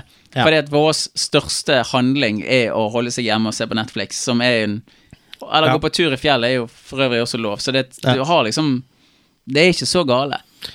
Eh, Nei, Men du lever lever en frykt. for de som er vant til det levesettet. Ja, men du lever fremdeles under en form for frykt likevel. For Ja. du vet ikke hvor gale dette skal bli. Men nå virker det som vi har kontroll på det. Jeg husker det i starten. Ja. Da var det annerledes. Da husker jeg at da var jeg litt bekymret, For det Du rett og slett ikke, du, Dette var ikke en sånn ting du kunne søke på nettet og finne ut hvor skadelig er dette. For dette Ja. var ikke svar ute. Nei, det er sant. Jeg jeg, litt sånn i svar i forhold til det, så, så jeg eh, Var litt rolig der òg, da. Det, for å si det sånn eh, Ikke eh, Liksom selvfølgelig Jeg syns det var irriterende. Var det jeg syns. Ja. Liksom øh, Kanskje jeg går på byen og øh, kanskje jeg eh, spiller de brettspillene jeg har lyst til å spille. nå, nå kan jeg knapt nok ha noen folk på besøk, sant. Mm. Så det um, Så der må jeg jo for øvrig si uh, takk til deg, Eivind, og, og de andre to som vi omgås mye med for at vi har greid å på en måte ha hverandre gjennom denne tiden. Det må jeg jo bare si. Ironien er at vi har brukt mye tid på å spille spillet Pandemic, Pandemic. Ja, det, det er ironien. Ja. men, eh, men det er nå det at vi jo på en måte har hatt det eh, Den lille kjernen som vi er trygge på, og liksom bare Ja. Vi, skal du si nesten uansett hvor harde nedstengninger det ble, så var det liksom Ja, men eh, jeg vet hvor jeg skal, jeg. Ja. Det, det må vi jo bare si. Men eh, hvor var jeg egentlig? Jeg vil eh, egentlig bare ta opp igjen tråden og si at vi har eh, svart på Eller vi har diskutert veldig stort spekter av dette her. Ja. Vi har gått gjennom mye, men det er mye synsing. Det er lite fakta, men så er det litt fakta involvert. Men jeg ser at vi har fått inn et spørsmål her, Det stemmer. som jeg syns hadde vært litt artig at vi kunne få med oss før vi avslutter dette dette segmentet. Det er jo faktisk eh, dags for det òg. det er altså eh, Thomas som har stilt spørsmålet Topp tre aktiviteter dere gleder dere til når korona er over. Eh, jeg har ikke forberedt noe på dette her. Det er ikke jeg heller, sånn sett. Skal vi bare kaste ball frem og tilbake, da? Ja, vi tar en hver. Ja? Ja, sure. Uh, du kan begynne, du. ja, da tar jeg din, jeg, da. For jeg, eh, jeg har veldig lyst til å komme ut på byen igjen. Ja. jeg, altså, jeg må si at jeg savner denne her løsslupne uh, måten å ut, uten reguleringer vite at du kan ta deg en tur på en bar. Ja. Og sitte deg ned med en kompis og ta en pils og snakke med folk. Og hvis du treffer noen, du bare klemme dem. Ja. Altså den, liksom den stemningen ja. på byen. Den eh, Jeg, jeg, jeg støtter den veldig, og så legger jeg til det at, det at du ikke er restriktert Altså, du, du må sitte på én plass. Ja. Og at det er sånn generelt forbud mot å danse. ja. Uh, ikke det at jeg nødvendigvis trenger å danse sjøl, men det er bare det at jeg, jeg tror den Det forbudet mot å danse ligger litt i at det, det fyrer opp under, på en måte. At det, det er lettere for at uh, stemningen går litt uh, utenfor det man greier å kontrollere. ja. Uh, så ja, den, den støtter jeg veldig. Så da har vi vel egentlig begge vært på ett punkt vi gleder oss til. ja. Er det Så- meg igjen, Du Eller deg, da? Nei, det får vel bli meg, tenker jeg. Ja. Så da hiver jeg meg på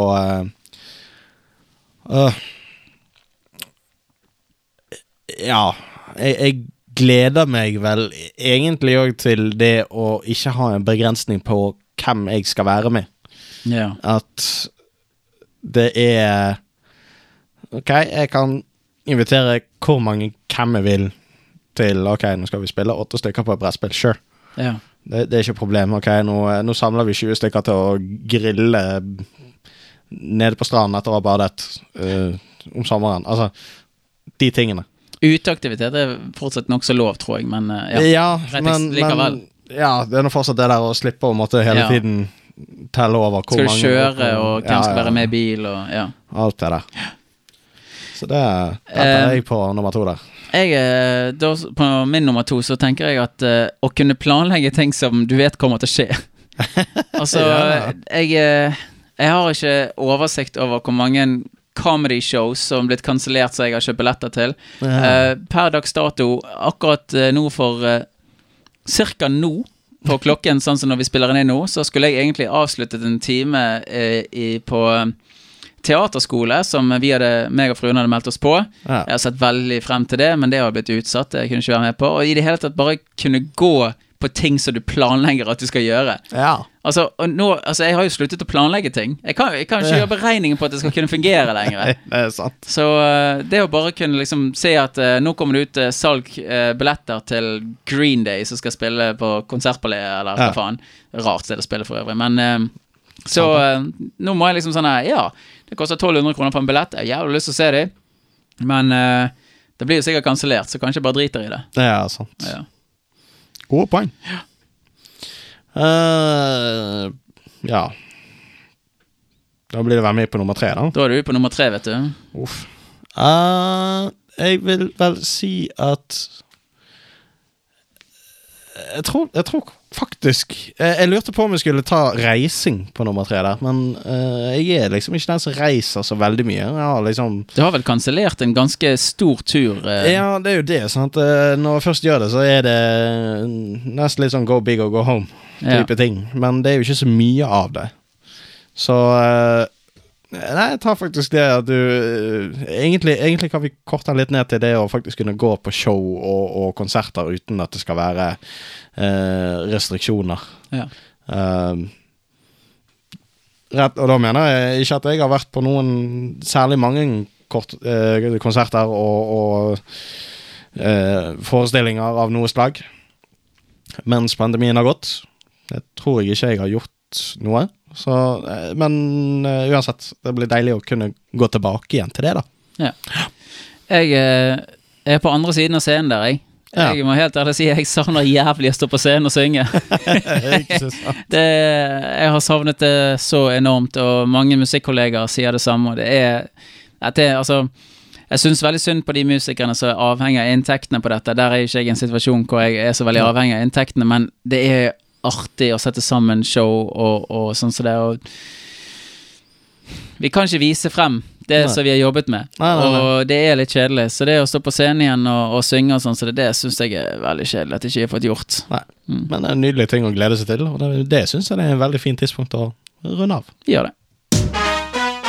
Nei, det er jo et forferdelig godt spørsmål. Kan umulig stemme. Jeg skulle aldri tenkt på før. Det er ikke sånn. Helt vi urimelig. dette er urettferdig. Vi må jo bare spørre. Dagens tema. Det var dagens tema, det. Det var rett og slett dagens tema. Ja, vi kommer oss gjennom det. Vi gjør det. Er det- Og, Det er lite savn av tredjeperson her. eh, ja, Vi klarer er- oss, men, eh, vi, vi, vi klarer oss, men jeg er litt spent på å høre dette i etterkant av, eh, av I det jeg pleier å gjøre som en liten sånn eh, Skal vi si research av vår egen podkast. Litt sånn selvlæring. Ja. Mm. Så jeg er spent på å se hvordan jeg finner å høre på denne her, rett og slett. Ja, jeg òg. Så uh, Jeg tar de av og til. altså Det er sånn Det har ikke så veldig mye med at jeg har lyst til å høre på min egen stemme, eller noe men jeg, jeg liker veldig godt å finne ut hva vi gjør feil. Ja. Og der er liksom Jeg var ute på Facebook tidligere og sa det at eh, hvis noen som har eh, grunn til å rise, så ris i vei. Jeg ja, trenger å få litt mer rød rumpe, tenker jeg. ja. Ja. den kan jeg støtte.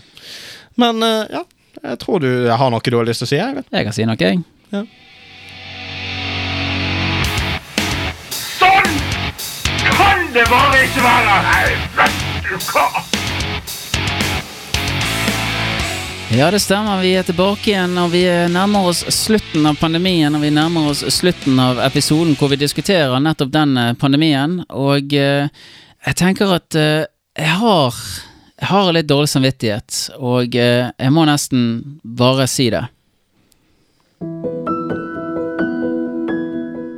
Hei.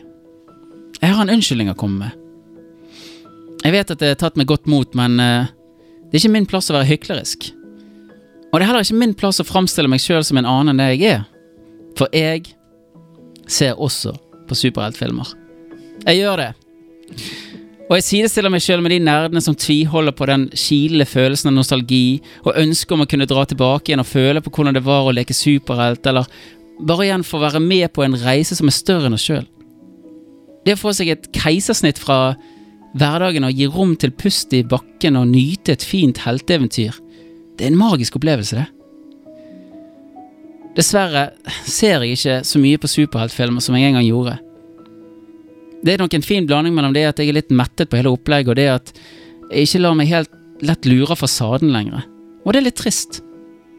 Det som en gang i tiden var en bekymringsløs hverdag hvor innetid og lekser var den eneste bekymringen jeg hadde, hvor det var lov å dra på eventyr, og bruk av fantasi og tull var oppfordret. Det ble tatt for gitt at mamma vasket klær og pappa lagde middag. Hvor jeg ble kjørt til fotballtrening og kunne besøke venner uten å ringe på forhånd. Min barndomstid var vakker, men ble tatt bort før jeg visste hva jeg hadde. Nå er det jobb, samliv, hus, lån, bil, betale for maten, global oppvarming, slutten på penicillin, overbefolkning, pandemier, ryggsmerter, forpliktelser, ansvar, barnesnakk, ja Voksenlivet, liksom. Verden er liksom så annerledes nå. Året 2018 var jeg blitt voksen, men jeg kunne fint la meg selv bli dratt med på en reise inn i superheltenes verden, av og til å kose meg med de to til tre timene den reisen tok.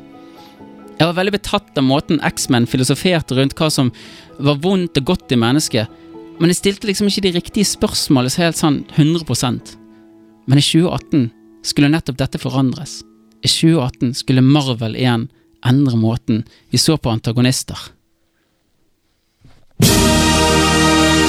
Nei, hva kødder, jeg skal ikke gjøre det. jo, jeg gjør det! Enger glitrer av nyutsprungne grønt gress. En fanfare blåser liv i trøtte brilletryner som endelig løfter blikket etter sitt endte million World of Warcraft-raid. En ny beitemark blir skapt for opphissede mannekropper i alle fasonger. De tar fram sine slitte kapper og kler seg i sine knappesprengte heltekostymer. Igjen tar de til gaten. Igjen samles disse halvharde semizombiene seg. Tusenvis av introverte rotter seg sammen som et symbol. Lyset pirser seg gjennom flokker av halvmåner som ikke har sett sol eller følt på varmen utenfor et soverom fylt av ikke noe annet enn Urge-flasker og halvtomme pizzaesker på flere år. Nå er tiden her igjen. Vår tid å marsjere. Igjen skal vi til kamp. Til kinoen vi drar, og fremst i køen, bærende på den største køllefanen. Der sto jeg, full av forventning. Nå var tiden inne for at min drøm om nostalgi og tilbakekomst igjen skulle pumpe blod i gamle, skrukkete årer. Og der går vi. For jeg hadde fått med meg noe i traileren til en film jeg hadde hørt rykter om. Noe som endelig skulle samle min nåværende livssituasjon med mitt nostalgiske savn. I denne filmen skulle vi endelig få se en antagonist litt utenom det vanlige. Ikke at vi ikke hadde sett uvanlige antagonister før, men denne gangen skulle Marvel virkelig bryne seg på noe helt nytt. Jeg snakker så klart om Thanos og filmen Avengers. Infinity Wars. Men eh, hvem er egentlig Thanos?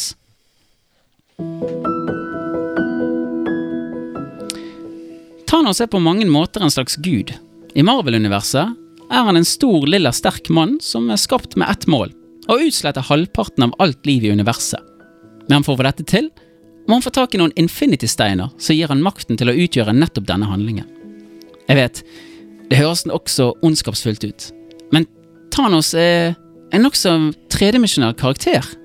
Little one, it's a simple calculus. This universe is finite, its resources finite. If life is left unchecked, life will cease to exist. It needs correction. You don't know that! I'm the only one who knows that. At least I'm the only one with the will to act on it.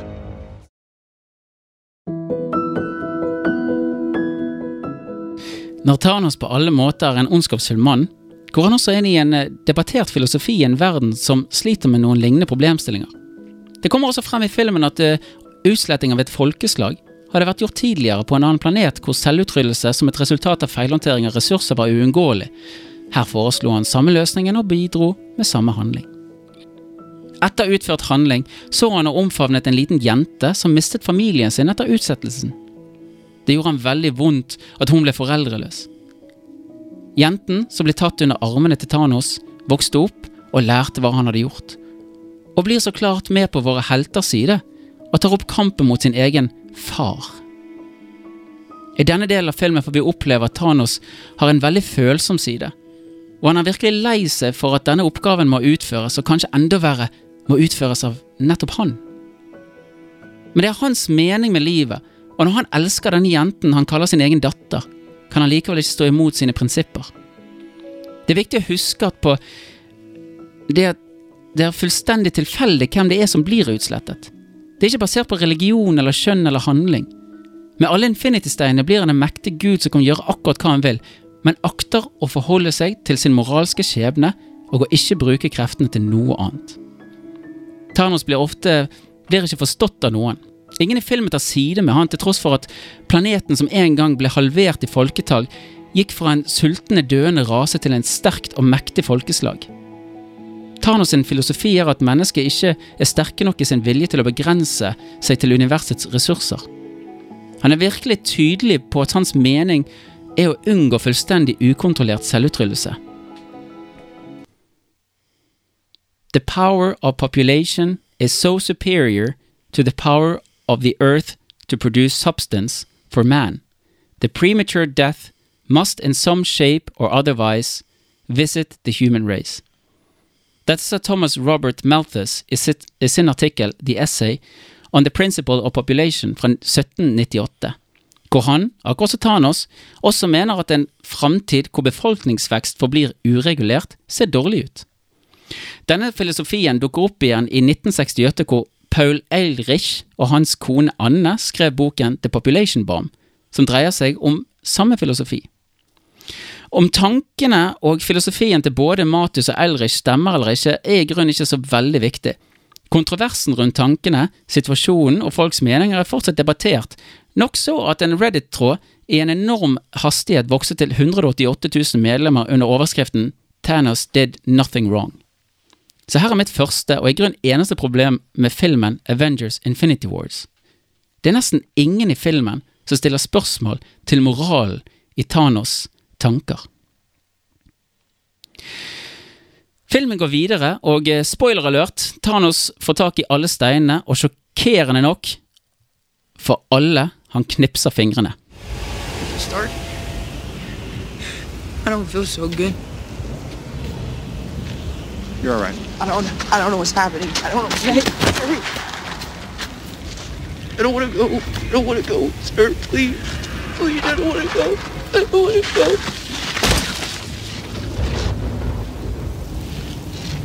Sorry.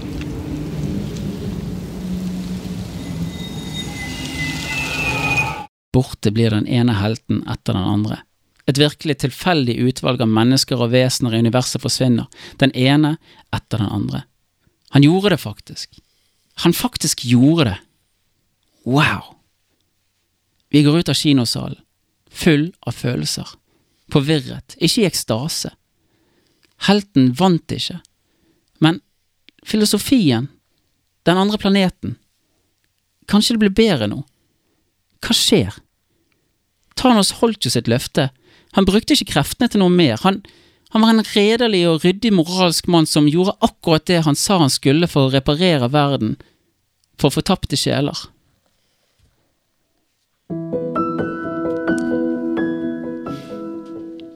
Jeg dro hjem til madammen den dagen, og jeg fortalte hvordan de tok, stilling til overpopulasjon og ressurshåndtering i den filmen. Hun fortalte meg om alle slags filosofier og teoretikere som hadde tenkt samme tanken. Hun likte måten denne filmen bare var bar vei for nye måter å framstille den slemme antagonisten, og endelig tenkte jeg, endelig skal jeg, skal, skal jeg få vise henne at superheltfilmer kan være noe mer enn bare tullete overnaturlige muskelfolk i kapper. Som dere sikkert har merket, har det ikke vært mye ranting fra meg til nå. Og vi har jo holdt på en liten stund. Så dere sitter vel der hjemme eller i bil eller hvor faen dere er og tenker Hva er dette for en rant? Her sitter jo bare Eivind og mimrer og spoiler Avengers for meg. Ta det helt med ro. Det kommer. Det kommer.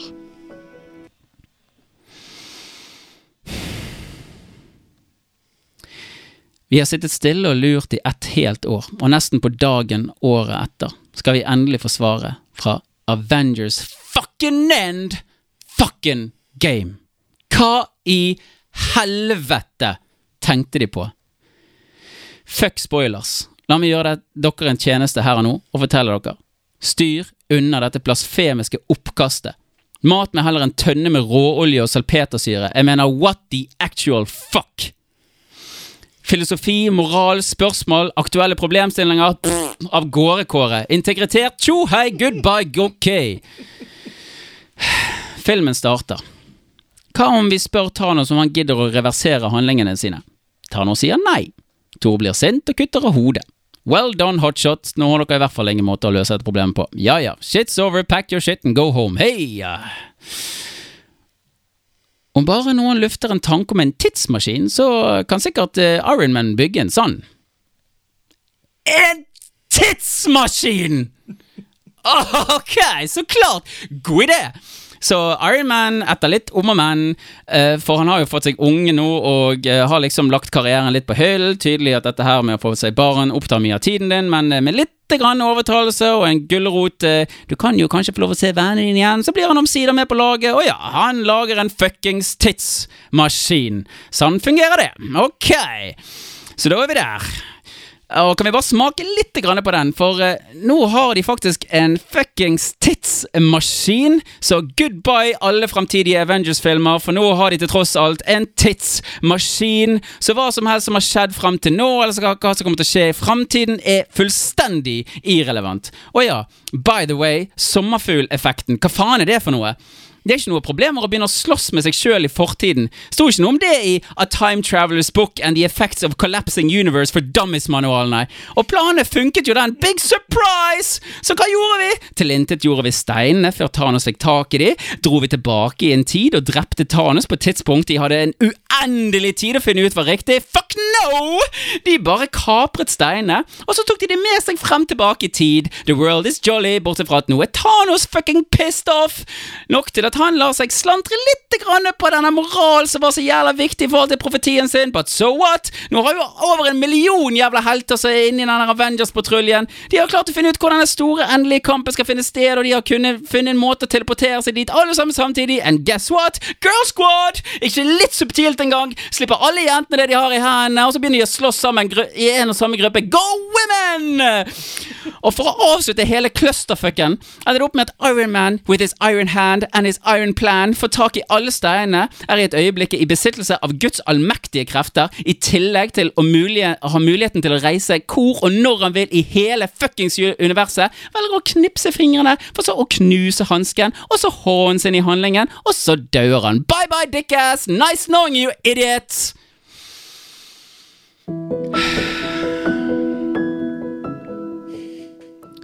Filmen avslutter i en begravelse som fungerer som en hyllest til vår tidligere narkomane skuespiller Robert Downey jr. Ingen som brydde seg om alle de andre som døde. Filmen tar rekord for mest inntjenende film noensinne. Og det var her det skjedde. Det var i dette øyeblikket det hele tok en vending for meg. Så tusen takk til alle dere fantastiske mednerder som var med på reisen. Tusen takk til Spiderman, Ironman, Batman, Superman, og resten av flokken. Det var en veldig fin reise. Jeg gir uh, Avengers uh, terningkast minus infinity. Would not recommend.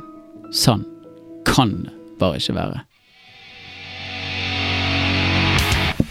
Sånn kan det bare ikke være! Nei, vet du hva? Ja. ja, det var det! Da var jeg ferdig med dagen, jeg. Jeg bare la fram mikken. Det var liksom sånn der Drop the mic! Ja. Du er rett og slett så forbanna at du bare snur mikrofonen vekk. Nei. Liksom, nå, nå, nå har jeg gjort mitt! Nå jeg- Nå, nå skal Joakim carry the rest of the way. Jeg kjenner, jeg blir jo sint inni meg. Det er jo veldig tydelig. Det har gått veldig mange år. Jeg har ikke snakket med så veldig mange om det, men fy faen så jeg hatet endgame! Helvete, for en kontrast til noe som virkelig kunne vært noe. Ja. Nei, det, Ja, ja. nei, det er flott. Det er rett og slett flott. Ja, ja. Vi eh, tar rett og slett og eh, gjør en rask runde på eh, avslutningen i dag. Og eh, ja, i dag har vi altså vært eh, gjennom eh, spørsmål fra sist, som vanlig. Der vi altså har eh, hatt inne en god miks av spørsmål, vil jeg si. Eh, vi har òg hatt nyheter presentert av Eivind, hvor det var SpaceX sin eh, big ass rocket ting. Og, BlizzCon sin Metallica-konsert. ja, plagiatet fra Metallica selv. Nydelig. Og så var vi innom eh, eh, Hva var det disse greiene het igjen? Jeg vet ikke hvor The eh, Shepherd's Tone. Å, Shepherd's Tone oh, er på OL, Og Rig, rig, Å, faen, hva det heter Nei, jeg husker, jeg husker ikke hva de heter for noe. Rhythmic eh, Ja, ja. Det var det de het. Ja. Ja, det var det de var. Før vi da altså har vært innom hovedtemaet, hvor det var post-pandemic, altså hva skjer etter pandemien. Vi har eh, synset i det gode og det breie, og før vi da altså endte opp med denne nydelige lille semi- semi-triste i uh, saken av uh, Endgame. De kan, de kan bedre. ja, det kan har de vist. Ja. Det har de vist. Så da uh, gjenstår det to ting, og det er, første er spørsmål til neste gang. Og Eivind Heio! Jeg er fremdeles holder på å finne ut av hva, hvordan dette skal fungere, og når det passer. Ja, det kan være vanskelig Ja. med, med, med, mitt uh, ordløp av og til. Ja. Men uh, punkt én. Hva er ditt spørsmål til neste gang, Eivind? Ja, eh, Mitt spørsmål til neste gang er om du skulle blitt kjent for noe, hva skulle du blitt kjent for? Oi! Ja, jeg føler at du og jeg stiller meg ganske like spørsmål denne gangen. Fordi at spørsmålet mitt er altså Hvis du skulle cos- cosplayet, hva skulle du cosplayet? Ja, det, ja. Hvis du har lyst til å bli kjent for Ja, ok. Ja, men den er fin, den. Ja, ja, ja. Jeg legger den der, jeg. Ja. Så da eh, er vi altså på punkt nummer to, og det er rett og slett å si takk og farvel for i dag. Så da sier vi det på én, to og tre. Takk, Takk for for, i for i dag. Ja, ok.